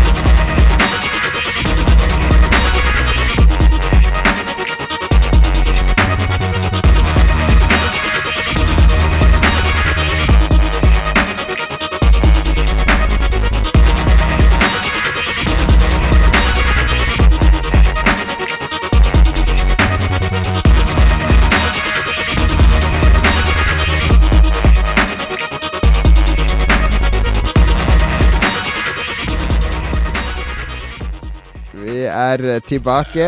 Lars er i storform. Vin og midnattssol og festspill. Si meg, har festspillene bare blitt sånn fyllefest? Er det fyllefestspillene, eller er det festspillene? Det er kun personlig tragedie det handler om her. Det handler ikke om noe annet. Det, Det er nachspielene. Det er nachspielene, ja. Nei, det, det er veldig gøy å ha festspill. Det er jo den beste uka i Harstad ever. Så ja. Jon, du skulle egentlig være her nå, skulle du ikke det? Det var jo veldig synd. Jo, det var sånn klassereunion, så jeg angrer litt på at jeg ikke er der. Jeg hørte også at det skal være sånn på lørdag, tror jeg det er. Sånn hiphop eh, nordnorsk Allstars i Harstad i forbindelse med festspillene. det er Poppa Lars og Jørgen og RSP Sikkert Oter og Klisj og hele gjengen eh, er der. Det skulle jeg gjerne vært Ja, på. det blir legendarisk. Jeg har to billetter ekstra i tillegg til min egen, så vi er en hel gjeng som skal inn dit. Ta en raffle da, på Twitch. Hva sa de? Én random uh, titter får lov til å være med på nachspielene. Å, shit. Å, shit. Vi ordner det. Vi får sikkert inn. Har du noe uh, Jeppe, har du du noe ta- festivalsommer foran deg? Ikke foran meg, nei. Det er jobbsommer. Så jeg, har, jeg skal ta sommerferie sånn rundt 5. 5. november, tenkte jeg. Ja, riktig. Da, da kan jeg ta sommerferie. Så eh, jeg ser du er ikledd eh, mastodonskjorte. Du skal ikke se mastodon på øya i år, altså? Jeg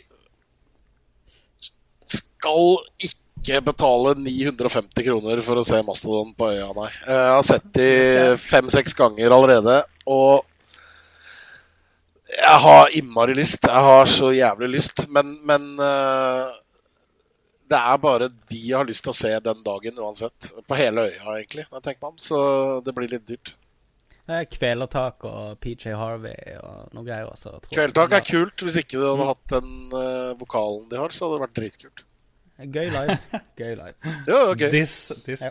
Men Jeppe, det, Yes. det, har, det har ikke noe med program å gjøre her, men den der What Happened to Monday, er det det den heter, den filmen? Jeg elsker jo litt sånn ikke megabudsjetts sci-fi-filmer. Det er jo en av mine favoritter. Tror du, Kan det bli bra? Vet man noen gang at ting kan bli bra når man er med i en film, før den kommer ut?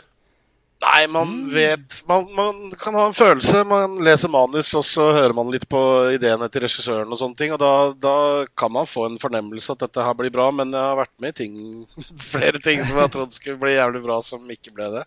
Ja. Eh, men jeg tror What Happened to Monday tror jeg blir, eh, den blir skitkul. tror jeg. Jeg har veldig trua på Tommy. Uh, han lager jo bare kule ting. Det er, han har, det er ikke én film han har laga som ikke, ikke funker, spør du meg.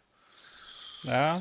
Fjordheksa, uh, lagde ikke han Det er fordi den, du er Det er jo the masterpiece. Den lagde vi på vi hadde, Den skulle vi lage på tolv dager i Mattiskogen utafor Alta. Uh, Ja. men vi endte opp med å skyte den på ti.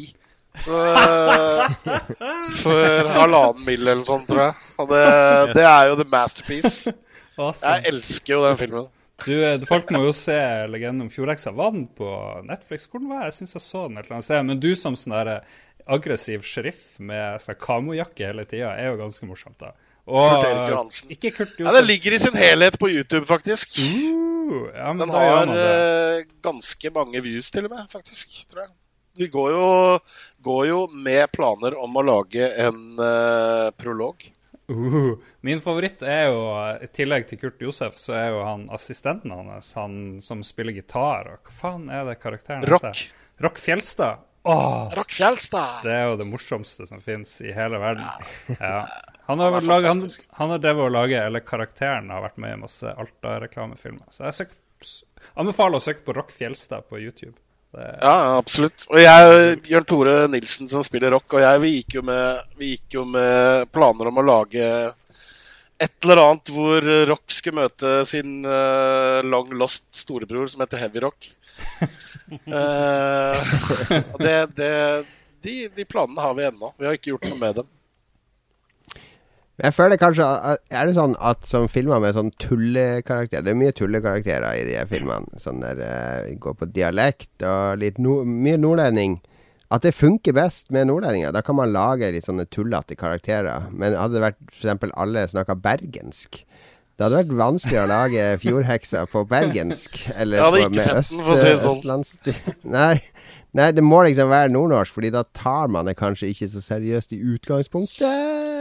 Jeg vet ikke. Jeg inne? Folk uh, ser vel nordlendinger og finnmarkinger som uh, tullete. Uh, og det er man, Jeg føler vel at man kan dra, dra grensene litt lengre jo høyere opp man kommer i dette landet, langstrakte landet vårt. Så jeg vet ikke. Det høres er riktig ut. Det er litt sånn rasistisk, sånn som når du hører på Dissimilis, så godtar du å høre på litt shit musikk, fordi du vet at ja, ja, det er Dissimilis. Jesus Christ, man. ser Nå, nå, begynner, nå begynner du å se bunnen av den flaska med vin, ikke sant? Begynner å se bunnen av den flaske, ja. Nå går vi. Nå går vi over til neste Til det som egentlig er tema. Det er Neste ømfintlige tema. Det. Det er sånn Lars står i publikum på de Similis-konsert og bare Hadde det ikke vært tilbakestående, så hadde alle dere sagt dette var dritt. Ja. Ja, eh, objektiv Det var anmeldelse. bare et Objektivt. innspill. Det var bare et innspill. Slapp av. Det er objektivt dritt, dette her. Oi, oi. Uff, det er, eh, det er, det er eh, menimismebevegelsen tatt helt ut, det her, eh, Lars. Deilig. Ok, eh, hva har vi spilt i det siste? Jeg kan gjerne begynne, siden jeg er den eneste som har skrevet noe i sendeskjemaet. Jeg har akkurat fått uh, tilgang til Monster Hunter Generations på Nintendo 3DS, som er det nye Monster Hunter-spillet fra Capcom. Som jeg eh, Du vet jo hva vi må skrive under på fra Nintendo for å få de her tingene tidlig, så jeg kan ikke si så mye om det. Det er jo ute i Japan allerede. Men jeg kan si at det er Monster Hunter, da. Eh, på gata godt og vondt. Mest på godt. Jeg liker jo Monster Hunter veldig godt, fordi det er, det er en slags Dark Souls møte uh, med, i en åpen verden der du med, med mye grinding eh, bygger ting. Grinding er fett. utstyr og så videre. Digger å grinde. Ja. Det er beste. Ja. Det er mye grinding. Ja. ja, Men uten grinding så er det jo bare bullshit. Det har vi jo opplevd på Overwatch. eh, Ja, ja, det kommer vi sikkert til å snakke om. Snakk for Fordi deg sjøl, ditt egentlig kan fjols. snakke om jeg, jeg sparer Monster Hunter til litt senere i sommer. Det, det kommer til å bli mitt sommerspill. Det er det jeg skal ha med meg tre uker i Spania. Jeg skal ha med meg på Kvarten med Magnus, så jeg kan ta på hodetelefonene under alle disse støyete konsertene Ja, og er heller grinde litt. grinde ny rustning. Eh, det jeg har spilt mest, er jo da Overwatch. Spillet vi elsker og hater, eller hater og elsker. Jeg vet ikke. Magnus elsker og elsker det. Mens meg og Lars har litt mer ambivalent forhold til Mm. det. Jeppe, har du spilt Overwatch ennå? Ikke spilt Overwatch ennå, faktisk. Eh. Det har jeg ikke. Nei, Nei jeg, jeg liker det jo egentlig ganske godt. Jeg har det for så vidt ganske gøy når jeg spiller, men samtidig så er det Det er veldig tiltak for meg å spille det, fordi at jeg eh, Det er eh, Jeg savner litt som Lars noe å strekke meg etter og noe å gjøre. Ja. Pluss at jeg blir så frustrert, fordi det er jo en matchmaking. Jeg er bare level 15, så jeg blir jo fortsatt matchmaker med masse folk som bare spiller på tull. Og når du da blir matchmaker med en gruppe full av folk som Ja, nå spiller vi sammen, seriøst. Og så kommer jeg inn, og så møter jeg sånne fire Torbjørns og to Bastions som defender et punkt. Der vi, vi kommer oss ikke 20 meter over brettet engang i løpet av fem minutter, og alle folk driver og virrer hodeløst rundt og ikke vil bli heala av meg og ikke vil noe som helst. Så blir jeg bare sinna og Men- oppgitt. Det er liksom en Det er vel en sånn prøvelse i det. Altså For det første, de, match, de matcher ikke ut ifra hvilken level du er, men faktisk ut ifra skillsene dine. eh, eller langt på vei skillsene dine. Jo, men det, det er sånn Det er sånn de gjør det.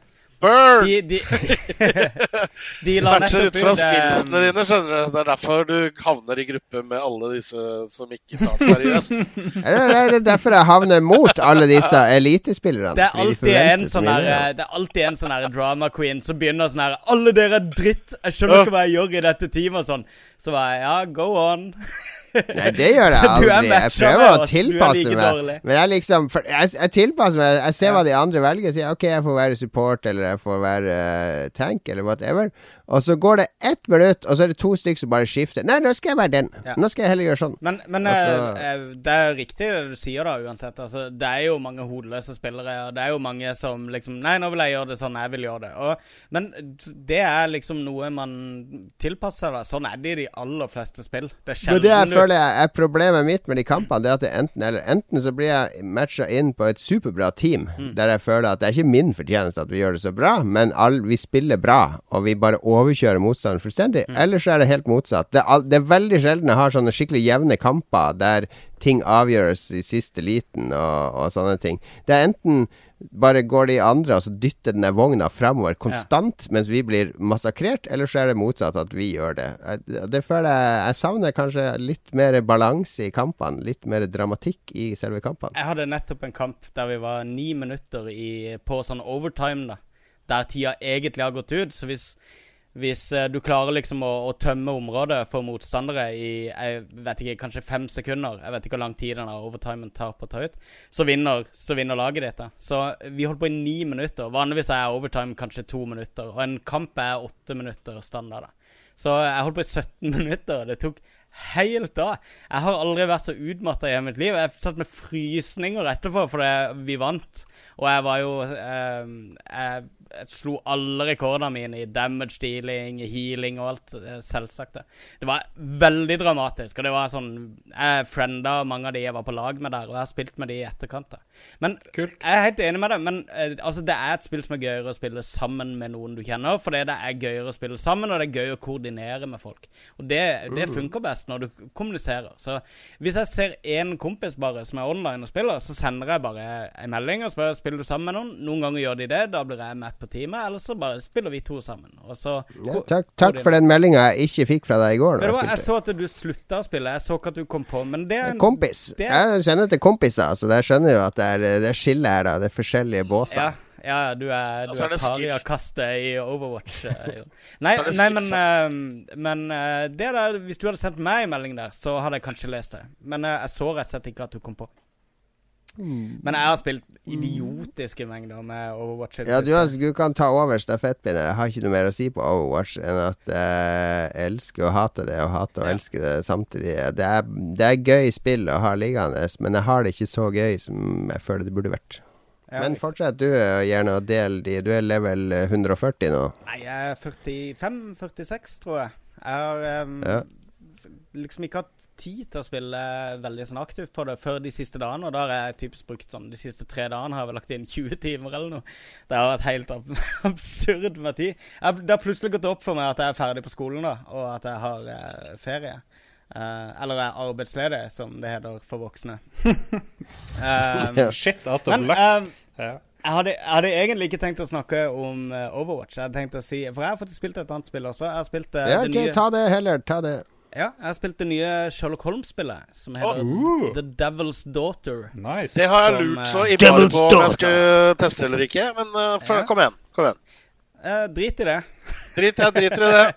Altså, vi, Hvis du likte det forrige spillet Og, Jeg spilte og det var greia da Jeg likte veldig godt det forrige spillet. Da var de liksom De var litt på vei til uh, å liksom komme litt sånn under huden på Sherlock Holmes, der du ehm, Du utforska områder der du oppdaga clues, og du gjorde eh, samtaler der du fikk nye clues. Så måtte du liksom gå inn i en egen sånn her eh, Mind Palace-del av spillet, hvor du måtte sette sammen disse cluesene og ta en del aktive valg som spiller da, på hvordan du skal tolke de forskjellige kombinasjonene av clues, for så å lage eh, Å slå sammen disse konklusjonene til større konklusjoner, og til slutt finne ut hvem som har vært drapsmannen. Så, så du får liksom den der resonneringa som er så, eh, Egentlig så En burde jo kunne kreve det at Sherlock Holmes spiller. At, det- at det krever noe eh, deduksjon, da. Ikke sant? For han er jo liksom mesteren av deduksjon. Så, øh, og alt de hadde trengt å gjøre, var bare å forbedre det de allerede holdt på med i det forrige spillet, og det klarte de å ikke gjøre. det. Så de har basically bare bremsa totalt på budsjett. Det er om mulig styggere enn det forrige.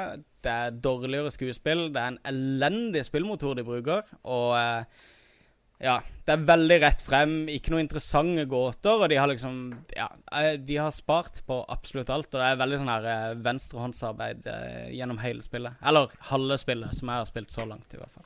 Hvis Uten at de er keivhendte, selvfølgelig. skal jeg- Hm? Ja, uten at de er keivhendte, selvfølgelig. Ja, Tror forhåpentligvis. du, er det lov å si uh, venstrehåndsarbeid? Er ikke, det, er ikke det en organisasjon for henter sånn der For Jeg husker det var ei som skrev lesebrev i Aftenposten eh, der hun ville at folk skulle slutte å bruke uttrykket 'full sjømann', fordi faren hennes hadde vært sjømann og avholdsmann. Og det var, var et krenkende uttrykk, da. Hun ble krenka av det. Da må alle andre slutte å si det. Jeg er sikker på at han. Kan hete han eh, barne-TV, han Torgersen. Hva han heter for noe? Trond-Viggo? Han er nok uenig. Ja. Han er nok enig med deg, Jon Kapp. Ja, er han er nok enig med deg. Ja. Det, nei, uenig. Han er enig med meg. Ja. Ja. Han er enig med Magnus. Du er den fulle sjømannen, Lars. Oppe. Så Eh, tenk, Jeg har er mista kontroll for lenge siden. Det, ja. Jeg følger ikke med. Ikke Bare rop navnet mitt når det skjer noe. på vegne av alle mørkhuda, venstrehendte eh, avholdssjømenn, så tenk det er mye krank med sameblod. Så det er mye å bli krenka for. Vi skal hva, Nå sporer jeg av hele greia her. Nei men eh, Takk til meg. det er helt greit. Vi må gå videre. Vi må gå Lars, videre. du Ja. Ja. Vi kan gå videre. Lars, du Ja. kan snakke Sherlock Holmes er ikke anbefalt. Jeg ser det blitt slakta overalt. Eh, Selv av de som har spilt alle Det er det niende spillet i serien. Det er det åttende eller noe sånt i den Sherlock Holmes-serien. Den moderne, Traileren var jævlig kul. tror jeg. Den, jeg likte den. Men Ja. uh, kanskje spillet er dårlig. Jeg har aldri spilt noe av det. Det jeg vil anbefale, det er to spill. Først uh, The Temple of No, eller hele tittelen er The Brave Explorer, The Jungle of Doubt and The Temple of No, som er laga av han fyren som lagde The Stanley Parable, som heter William Pugh. Jeg så Eurogamer ja, det. er du inne i hipster, hipster, eh, hipster. Så det bør bør være noe for deg, Jon Cato, du som bare liker sånne independent-spill. Du, jeg hørte på den podkasten jeg har nevnt før, der eh, man snakker med én spillutvikler, og han velger seg åtte spill han skal med på en øde øy, og der var Stanley Pugh med.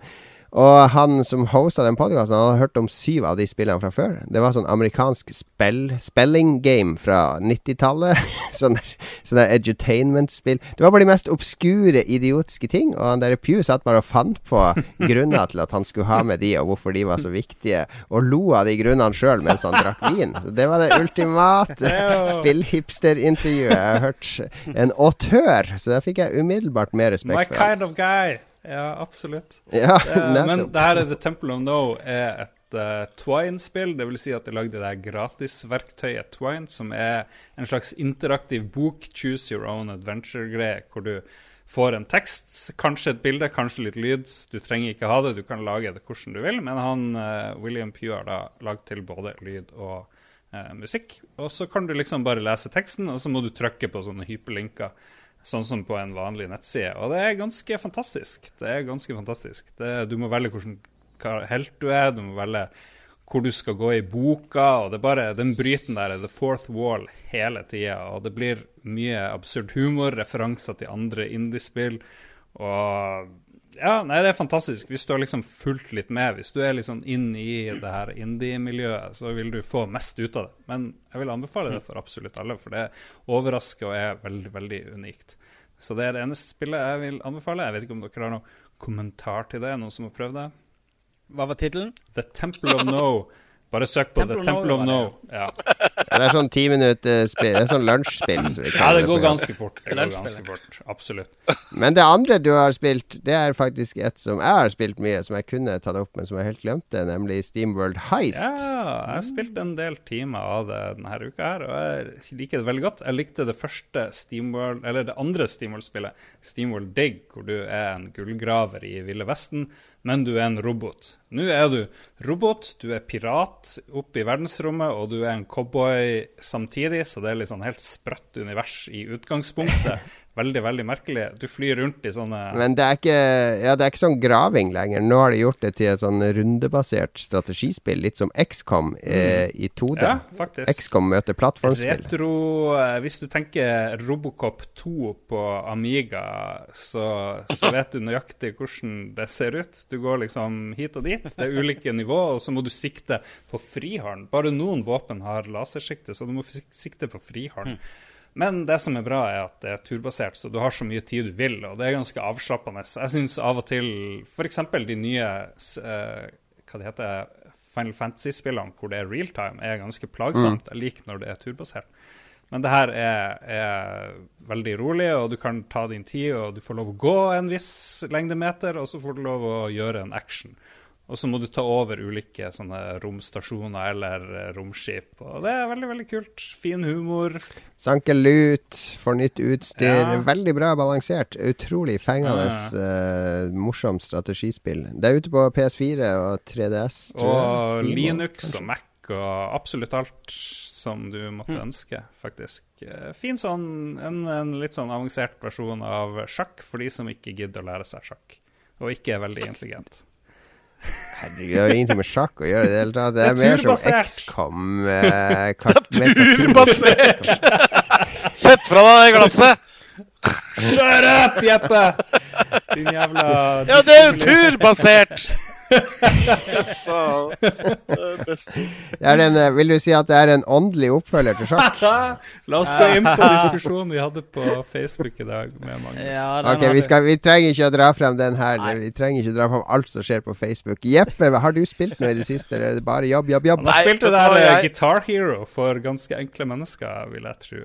Ja. Gitar Det er Beklager. det er jo mye venting. Er det ikke mye venting når man spiller inn uh, film og TV-serier og sånn? Har du med deg noe bærbart å spille på? En iPad, en 3DS eller et eller annet? Eller sitter du bare og gjør andre ting? Jeg Uh, Hvis jeg jobber hjemme i byen, eller i Oslo eller i Norge, så har jeg ofte min egen leilighet som base, og da blir det jo kjapt. Men jeg har ikke noe laptop med meg, men jeg skal kjøpe en laptop til høsten. 1080 og kommer alt det der.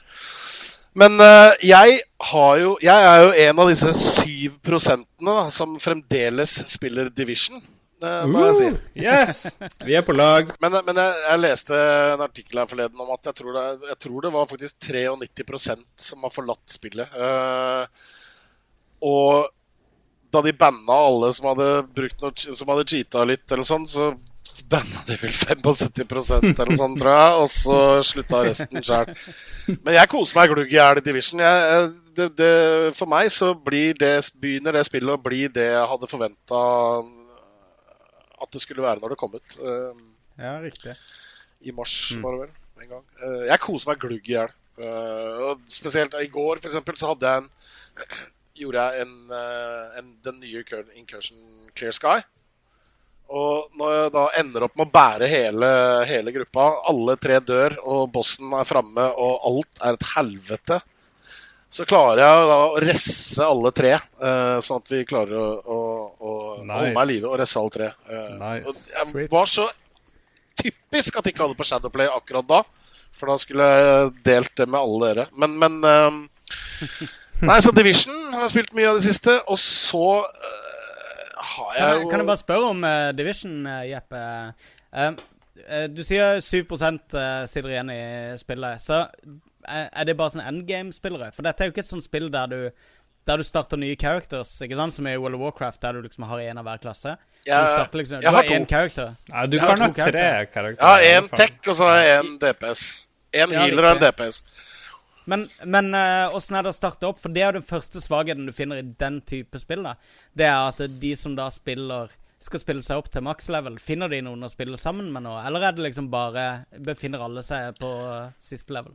Du, det, det vet jeg faktisk ikke. Uh, Det har jo litt skal- med å gjøre at når du starter opp, så er det ikke noe multiplayer, egentlig. Eller du kan jo gjøre det Du kan jo coope men... med, med noen Ja. kompiser og sånn. Du må ha friends. Men, men poenget er det at Ja. eh, eh, jeg, jeg, altså, jeg levela opp begge karakterene alene mest, egentlig. Og jeg, jeg syns at eh, den Manhattan de har fått til, er så kul å løpe rundt i. Og, og sånn uansett. Så jeg hadde en kjempeopplevelse med det uansett.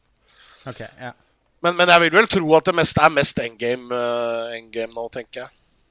Men nå kommer det jo to expansioner som de allerede har røpa. Den første er den der underground-greia, hvor du har random-genererte til dels da levels. Og det ser jævlig bra ut. Og jeg spiller det, Det hver uke, ikke hver dag, fordi det er jobb, men, men jeg syns det er jævlig stilig fremdeles. Så absolutt. Veldig Jeg er helt enig. Men da er det jo Du er jo bow down to RNG Jesus, liksom. Så det, Ja. det er, ja, men det liker vi. Men, men det, det er kult. RNG. Ja, jeg syns det. Nei, det er, jeg koser meg glugg her. Og så har jeg faktisk eh, Fordi noen Alta-gutter Jeg så plutselig vi satt på Discord en dag, og så så jeg at de spilte litt WoW igjen. Så plutselig så hadde jeg kjøpt en måned til og begynt å kose meg med det. Oh shit. en måned, ja. Så denne podkasten avbryter min eh, ferd eh, mot 100 med mainen min. Så Men raider du i World of Warcraft eh, normalt? Eller er det um, dungeons og sånn du gjør? Nei, jeg har, jeg har ikke spilt det på Jeg spilte vel halve av Warlords of Drainer, tenker jeg. Jeg kom til level Ja. 96 eller noe sånt, så fikk jeg bare Ja, ja. Dette her har jeg gjort så mange ganger før. Når, du, begynner, når du fremdeles ikke har nådd uh, level 100, og så finner du deg selv idle i Orgrimmar, så er det liksom Ja. det, ja. men, men nå koser jeg meg glugg i hjel med det, faktisk. Uh, så jeg regner vel med at det blir en del raiding etter hvert. Uh, det, det er noen som spør her om du skal spille Legion. Ja, det er vel derfor jeg fokuserer nå på, Ja. på å få orken opp til, til 100. Og jo, gjøre han klar. Eh, jeg er jo sånn støtte, støttemedlem, som det heter i treningsklubb, eller på sånne treningssteder. Jeg er jo sånn støttemedlem av World of Warcraft. Der jeg betaler et månedlig beløp til Blizzard for å ja, Bra jobba, bra dere holder i gang World of Warcraft ennå. Jeg spiller det ikke for tida, men eh, jeg er samtidig litt for lat til å stoppe den eh, faste innbetalinga. Um, Det er, lat. det, det er sånn pre, da, da er du lat. Da er du latere enn en venn av meg som heter Lars. Hei! Um, Ikke men, deg. Uh, men planen er jo hele tida å vende tilbake. Det er den ene fyllesyke søndagen, så er det kult å være tilbake i World of Warcraft og bare tasse rundt i fine omgivelser, for nå er de ganske pene. Ja, Og bare gjør, gjør uh, ja, handlinger du har gjort en million ganger før, og kanskje prøve å lære seg noe nytt. Så. Ikke sant? Herregud, til og med, til og med meg laga meg på etter jeg hadde sett Warcraft-filmen. Ja, det- jeg ble litt inspirert. Og jeg må inn og se litt på all den der orkelåren og sånn. Ja. Se om det stemmer og sånn. Det er masse lår å finne der, hvis du Det var veldig lett der jeg satt med en whisky der oppe og bare eh, grinde meg gjennom uh, noen missions og levels og Ja. Men det var jævlig fett. Jeg gjorde ikke, jeg gjorde ikke Firelands når jeg var på level. Jeg gjorde det én gang, men kom aldri, kom aldri til Ragnaros. Eh, men jeg gjorde Firelands i dag sammen med broderen.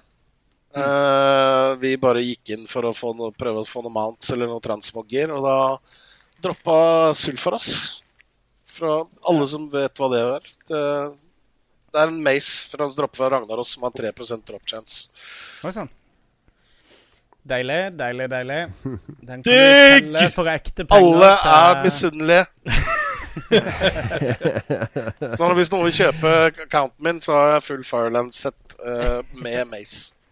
Ja, ja, ja, ja, 100 millioner. Skal. Hvor mye får du solgt uh, et, sånn, eh, et bra sett for i disse dager? Hva er det verdt i World of Warcraft lenger? Er det ikke et uh, ganske sånn dødt spill for svartebørs nå? Ja, det tror jeg pretty much dead. Det er så vidt du får noe eh, kinesisk gullspam i, eh, i chat. Ja. Ah. Kineserne har gått videre til Ja, hva er det de Ja, hvor er de henne? Overwatch? Nei, Ja. Clicker Heroes. Det er Hva sa du? Clicker Heroes? Nei, jeg aner ikke. Eh, Nei. Dota. Who knows? Det er et ja. egen Det er free to play-markedet der borte som har kjørt overalt. Men ja, jeg må ikke, må ikke selge Nei, jeg Du skal må ikke ikke selge selge kontoene dine.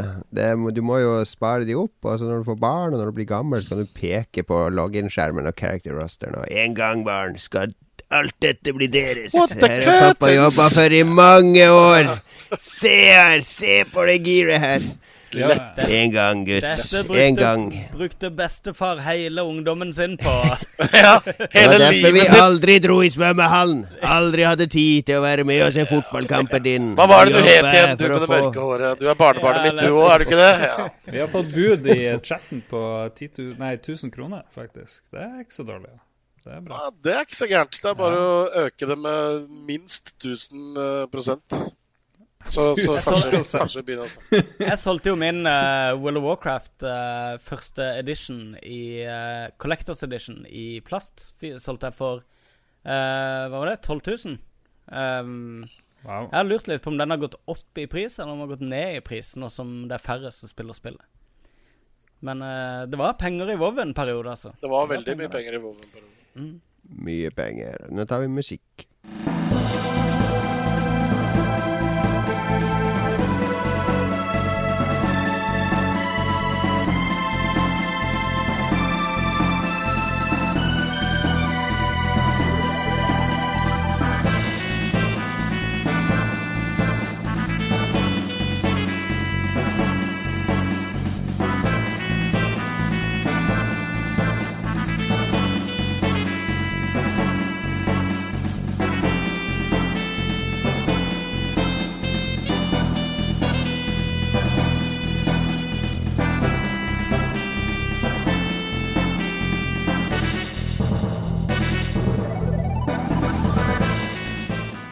Var ferdig. Vi er tilbake for siste del av eh, kveldens sending. Alltid hyggelig å ha med en gjest. Vi burde gjøre det litt oftere, men jeg føler at vi vegrer oss litt for det. Det er litt mer jobb å lære å ta opp, og så er vi litt nervøse. Vi har jo hatt med sånn som folk som, eh, som har hatt så dårlig lyd at til og med lyden har vært tatt opp i en annen hastighet enn vår, så det har vært umulig å klippe sammen etterpå og sånn. Men, eh, men Jeppe har tekniske kunnskaper. Trygg gjest. Takk for at du, takk for at du ville være med, Jeppe. Det var kjempehyggelig å bli spurt av, men vi får se på dette her når dere skal få den fila. sånn, da. Gud veit om det er noe riktig i dette. Kanskje, jeg blir, kanskje dere må tekste alt jeg sier.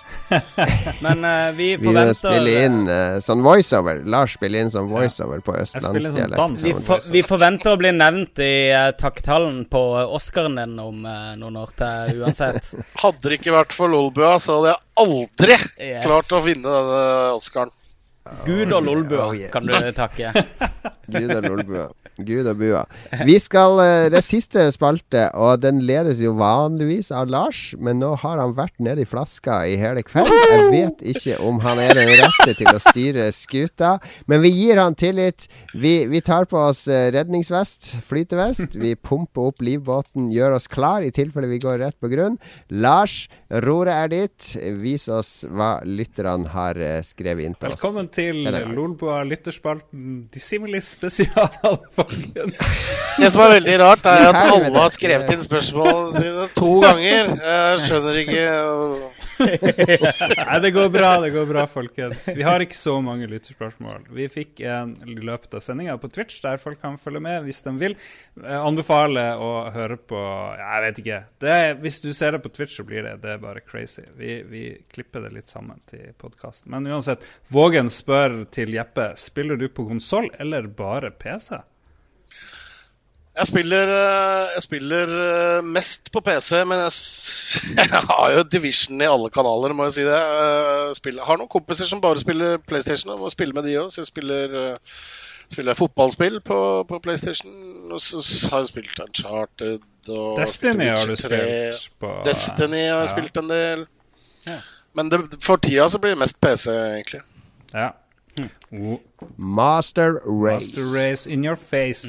Vegard Mudenia, en av våre gode lyttere, sier hva er det mest spleisa, dummeste eller flaueste du har gjort på et sett, Jeppe? Det, jeg kan røpe at det er mye Jeppe-spørsmål i dag. Jeg vet hva, jeg så, jeg så, jeg så faktisk eh, det spørsmålet i går kveld, tror jeg. Eh, det, jeg, jeg, det er så vanskelig å tenke på. Det var Det flaueste jeg har gjort, var eh, med Jenny Skavlan på utedassen. Eh, Ja, det er ganske legendarisk, det- da. Det er jo det. det ble ganske legendarisk, det gjorde det. Eh, kan vel si at jeg brakte henne dit hvor hun er eh, nå i dag. Eh, Du var trampolinen sin til toppen. I- Ja. Nei, nei jeg, du, det veit ikke. Jeg, jeg, Det pinligste må vel ha vært uh, Må være sånn som uh, faen er det for? Ja, Å ikke møte opp, eksempel. Det er pinlig. Komme liksom to timer for seint og sånn. Det er ganske pinlig. Ja. Det gjorde jeg en gang, men da jobba jeg stunt. Men da skulle jeg Ja. ha ansvaret for å gjøre noe stuntgreier på Det var vel Olsenbanen på sirkus, tror jeg. Olsenbanen junior på sirkus. Da slukna Da gikk jeg tom for batteri i løpet av natta, og våkna ikke før to timer for seint. Det, var det, var- det, er, det er nok det flaueste jeg har gjort. Jeg lurte på om det var litt løgn på Wikipedia-sida di, hvor jeg også var innom denne uka, hvor det sto at du var stuntmann eller stunt et eller annet. Men det er tydeligvis sant. Stuntkvinne. Ja, I do all my own stunts. Holy Har du, det? har du forresten re Ja, Gjør du dine egne stunts? Ja, ja, selvfølgelig gjør det. Og derfor, Ja, ja, altså, i, I 95 så var jeg, med, var jeg med på noe som het Vikingland på Tusenfryd utenfor Oslo. Eh, og da ble jeg introdusert for scenekamp, altså fekting og sånne ting. Eh, Og så ble jeg så bitt av den basillen, så jeg utdanna meg til lærer i scenekamp. Eh, Oi. Uh, så jeg har jobba mye som koreograf, fight-koreograf og sånne ting i, i Norge. Uh, på teater og film og TV. Og så tenkte jeg skulle dra den ett skritt lenger. Gå stuntskole, sånn at jeg kunne gjøre alle mine egne stunts i framtiden. Nice. Hvis, det, hvis det var behov. Og det, det har det vært. Du får bedre, bedre, eh, bedre betalt, og du blir bedre behandla og mer attraktiv, gjør du ikke det? Det er Dyrere forsikring er, er det vel òg på skuespillere? Jo, men ellers må de jo leie inn to. Jo, det, Altså- det kommer litt an på. Altså, nå, nå I Last Kingdom så er det så vidt jeg får lov til å sitte på en hest, fordi de er ganske Ja. stramme på forsikringer og sånne ting. Men uh, jeg gjorde en uh, uten å spoile for mye, så, så har jeg f.eks. en uh, Jeg har en kamp mot fire stykker. Det er meg mot røkla. Og, og det hadde ikke gått like bra hvis jeg ikke hadde hatt den utdannelsen som jeg har innen scenekamp. Og det fikk mye skryt Ja. Du er en, eh, en Holy norsk, eh, norsk Jackie Chan, med andre ord, som gjør sine egne kampstunts eh, på egen hånd. Bortsett fra at jeg aldri skader meg. Det er det eneste. Ja, riktig. Du har ikke de på reelsene etter sending? Jeg ser jo veldig mye på Steven Segal-filmer blant andre martial arts-ting. Jeg, jeg vil anbefale Kondolerer. deg å studere Stu Studere Steven Altså, Steven Segal. Han For de har jo Steven bare sånn gjør ikke sine egne ting Steven. Segal bare vifter med hendene nå. Han bare driter i alt. Han bare vifter litt sånn. Ja, det Litt så sånn limp opp i lufta. Og det, det ser veldig bra ut når de klipper det sammen. Nesten. Jeg har jobba med en del amerikanske skuespillere og kjenner en del amerikanske stuntmenn og sånne ting som har gjort blant annet et par stykker som har gjort noen Steven Segal-filmer. Og det er eh, alle stuntmenn som er med i Steven Segal-filmer, får ekstra betalt fordi han brekker alltid et eller annet på en eller annen. Uh. Gjør han det? Awesome. Awesome. Han gir så faen. Ja. Konge. Inside scoop. Du, når du var på Jeppe sin Mm. Wikipedia-side, så redigerte du vel sånn at den begynner med Jeppe er en tidligere Lolbua-gjest og skuespiller. Holy Men den. Wikipedia-siden den er jo helt ute å kjøre. Jeg tror det var en eller annen, jeg aner ikke hvem som har skrevet den, og vedkommende har ikke vært innpå den på tolv år. eller noe sånt. Så. Ja, det, var, det var ikke veldig oppdatert. Det var ikke de siste tingene der, det kan jeg bekrefte. Jeg har, jeg har en ganske speisa Wikipedia-side jeg òg, som en eller annen spillegal eller spill.no-dude lagde i sin tid, som jeg ikke tør å røre, for jeg vil ikke redigere min egen Wikipedia-side. Men den er full av, eh, av, eh, Løgn? av bannskap og uh, surrealistiske påstander. Så det, jeg syns den egentlig kan stå. Det er litt som en lite surrealistisk dikt. Så fett, da. Ja. Eh, neste spørsmål kommer fra Jan Christian Hegel. Eh, tidligere vår besteste lytter, kanskje det fremdeles. Besteste. Han sier Han er den som har sendt inn flest Ja. Ah, lytterspørsmål. nice! Good to go.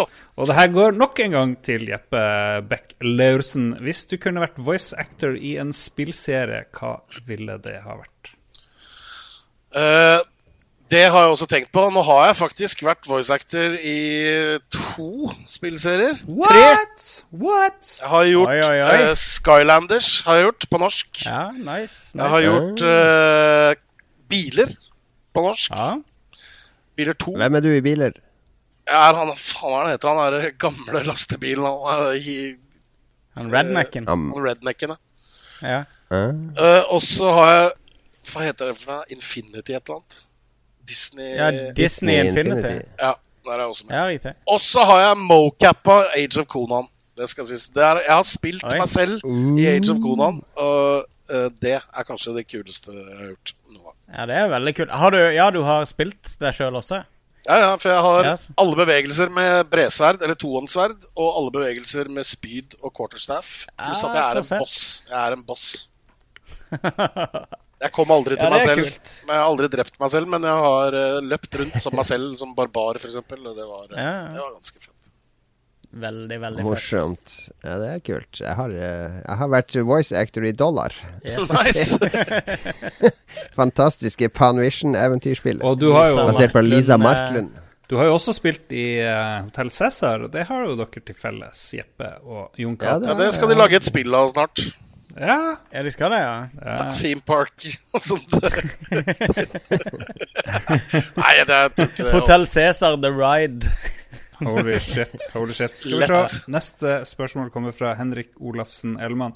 Har du noen gode historier fra Harstad, Jon Cato? Tror du har blitt kokt ned i den Oslo-gryta? Hilsen Ars- harstadværing. Jeg må jo si Er det hasjhistorier han skal ha? Ja, vi, ja, det er sikkert hasjhistorier. Eller kanskje ikke. Men jeg møtte, jeg var ute på eh, Festspillene i Harstad som eh, foregår nå, og møtte en som heter Henrik. Veldig hyggelig kar som abonnerer på 100 ulike podkaster, men han hører også på Lolbua. Og plutselig skal jeg inn på jazzkonsert, og så sier han 'Hei, er du Lars Røkkart?' Jeg bare 'Ja, hei', og så bare 'Ja, Lolbo er jævlig bra', bla, bla, bla. Og så husker jeg en melding vi fikk for en stund siden hvor han drev og klipte gress, og jeg vet ikke hva som skjer.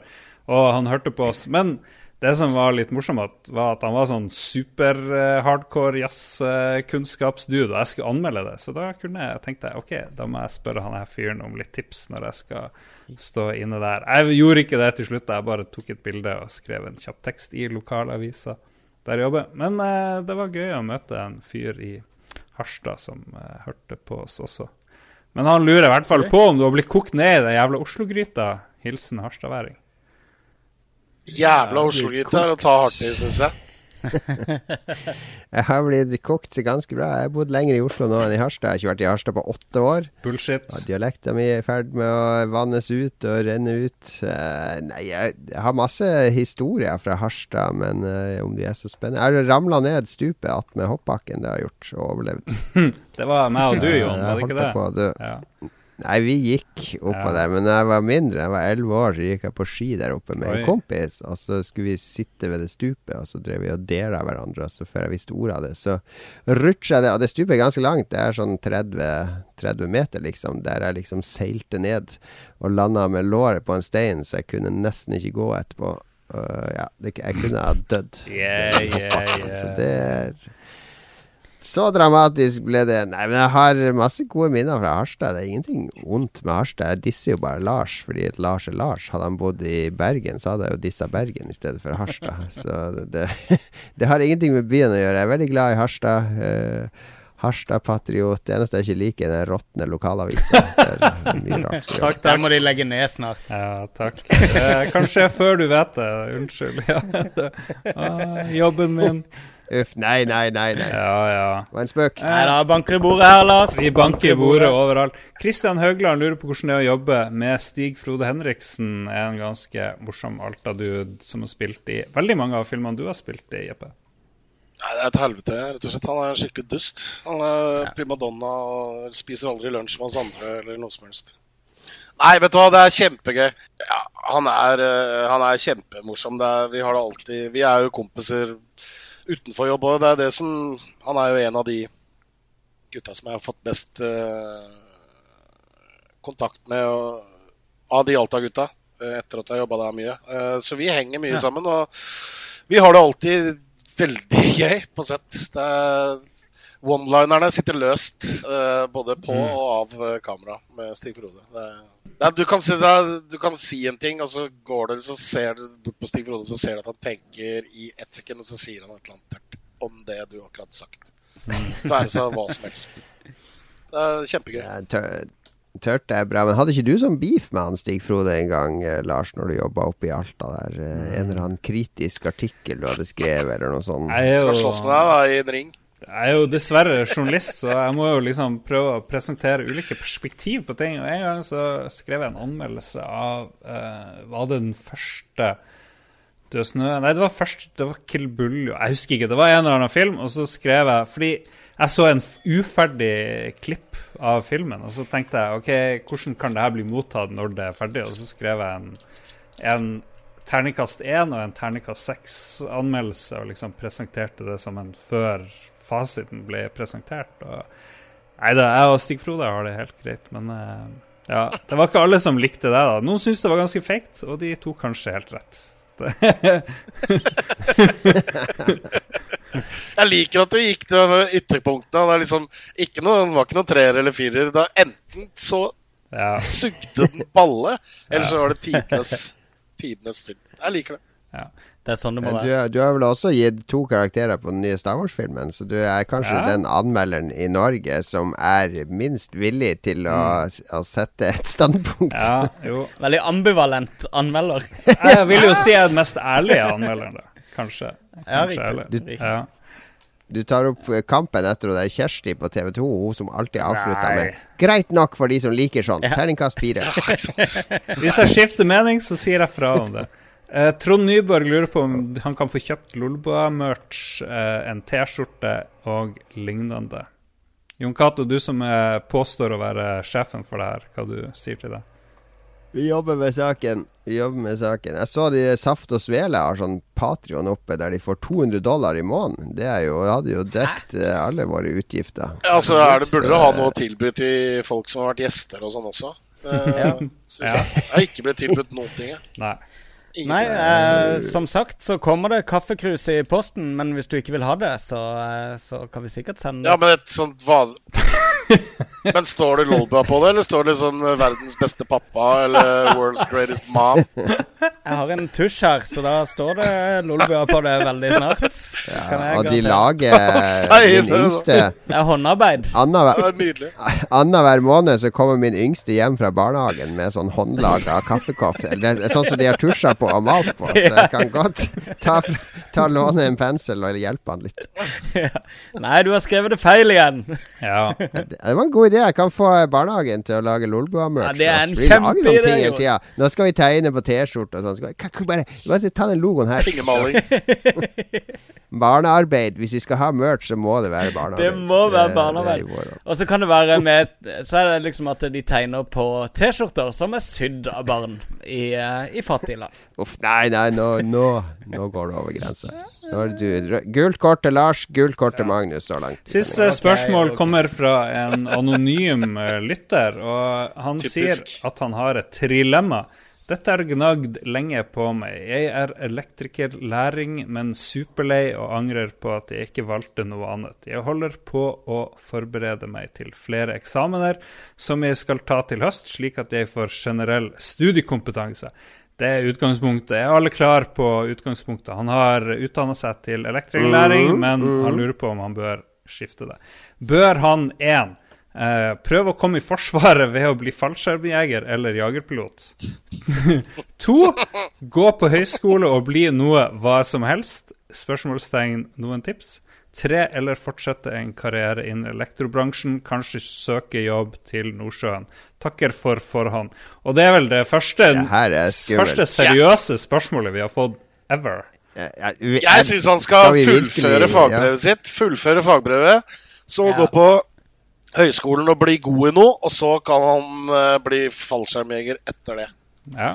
Ja, altså, jagerflypilot, det er liksom Det er ikke du som bestemmer om du kan bli det, på en måte. Det er liksom sånn her Jo, jo. En, en, en promille av nordmenn som har de genetiske forutsetningene for jagerflypilot. Så lenge du passer inn i cockpiten, så kan du fly i et jagerfly. Det er jeg helt overbevist om. Men du må ha gode tenner Ja, og godt syn. Og hvis du er elektriker, så har du peiling på hva som skjer foran deg. Litt sånn.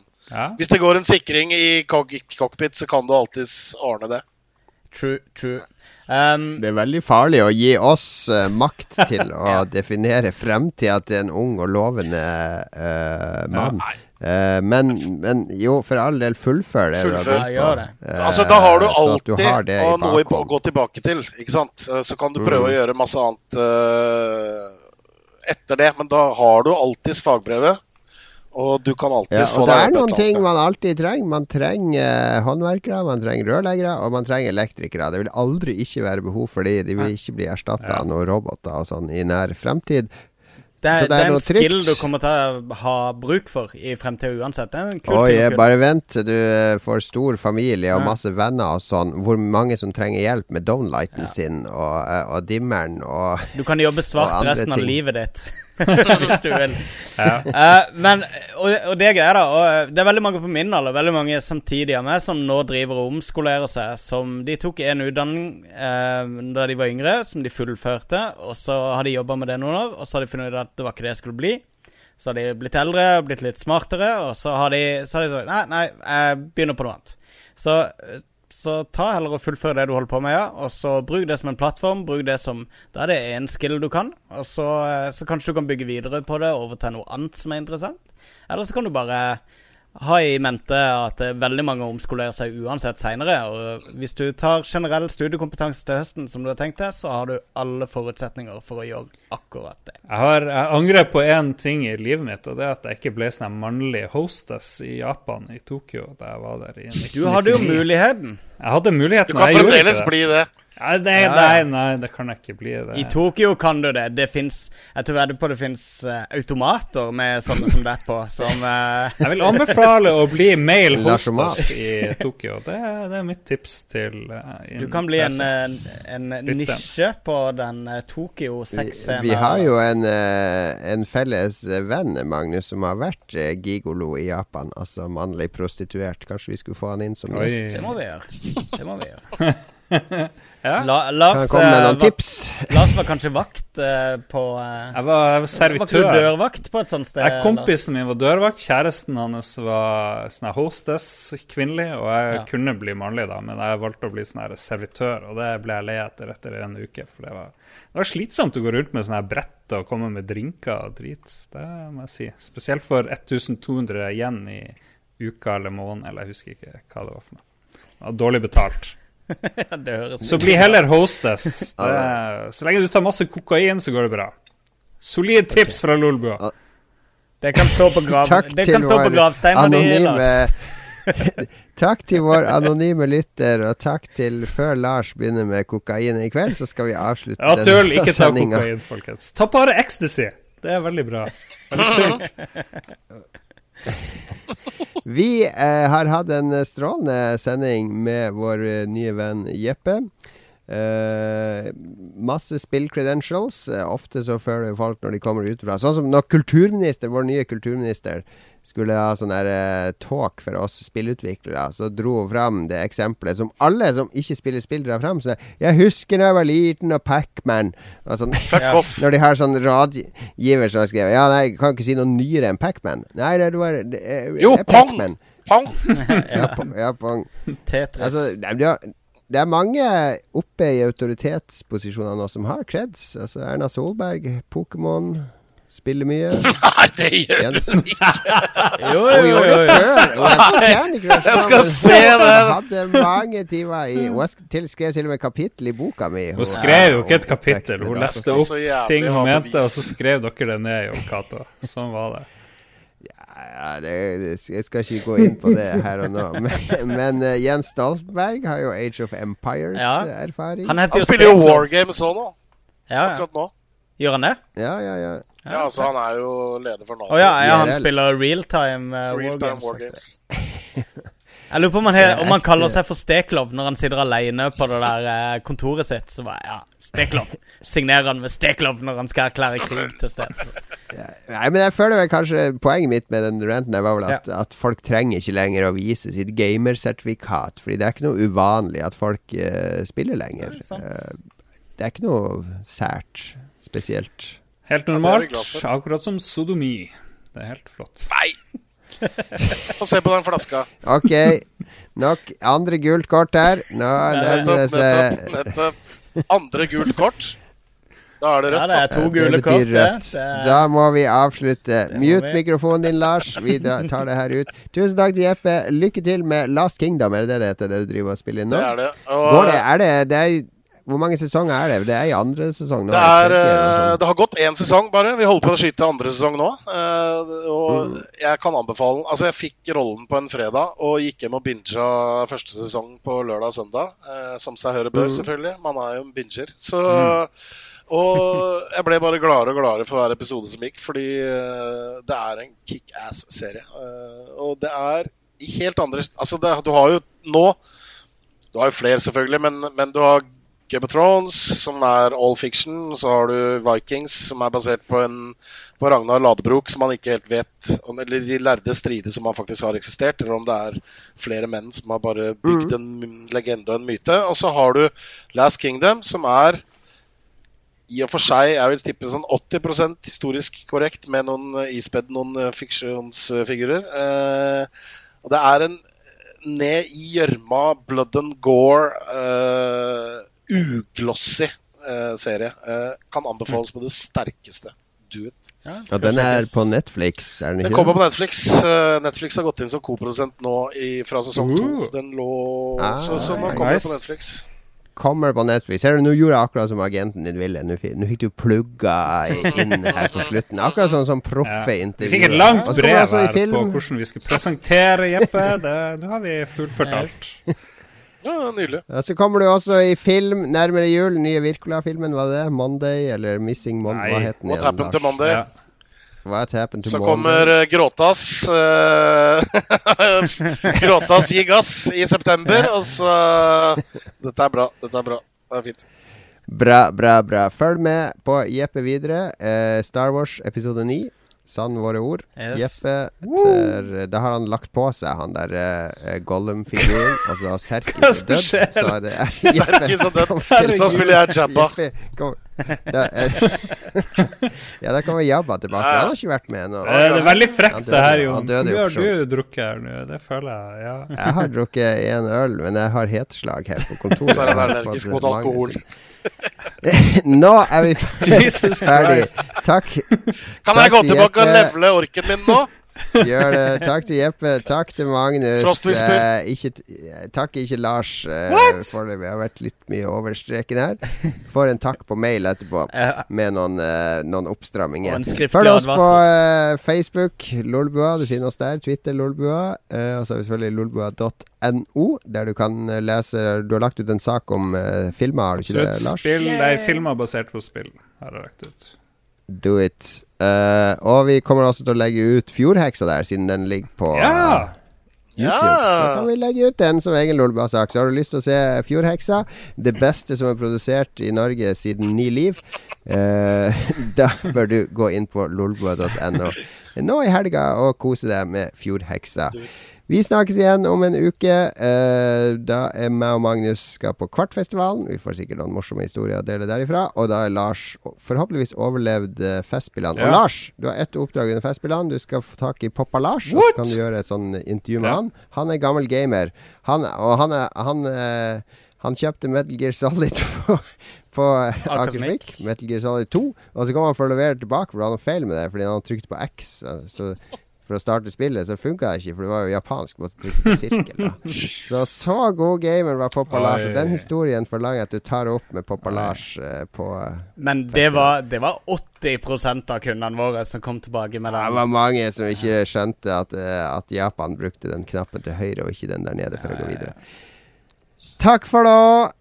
Vi høres igjen. Ha det bra. Ha det!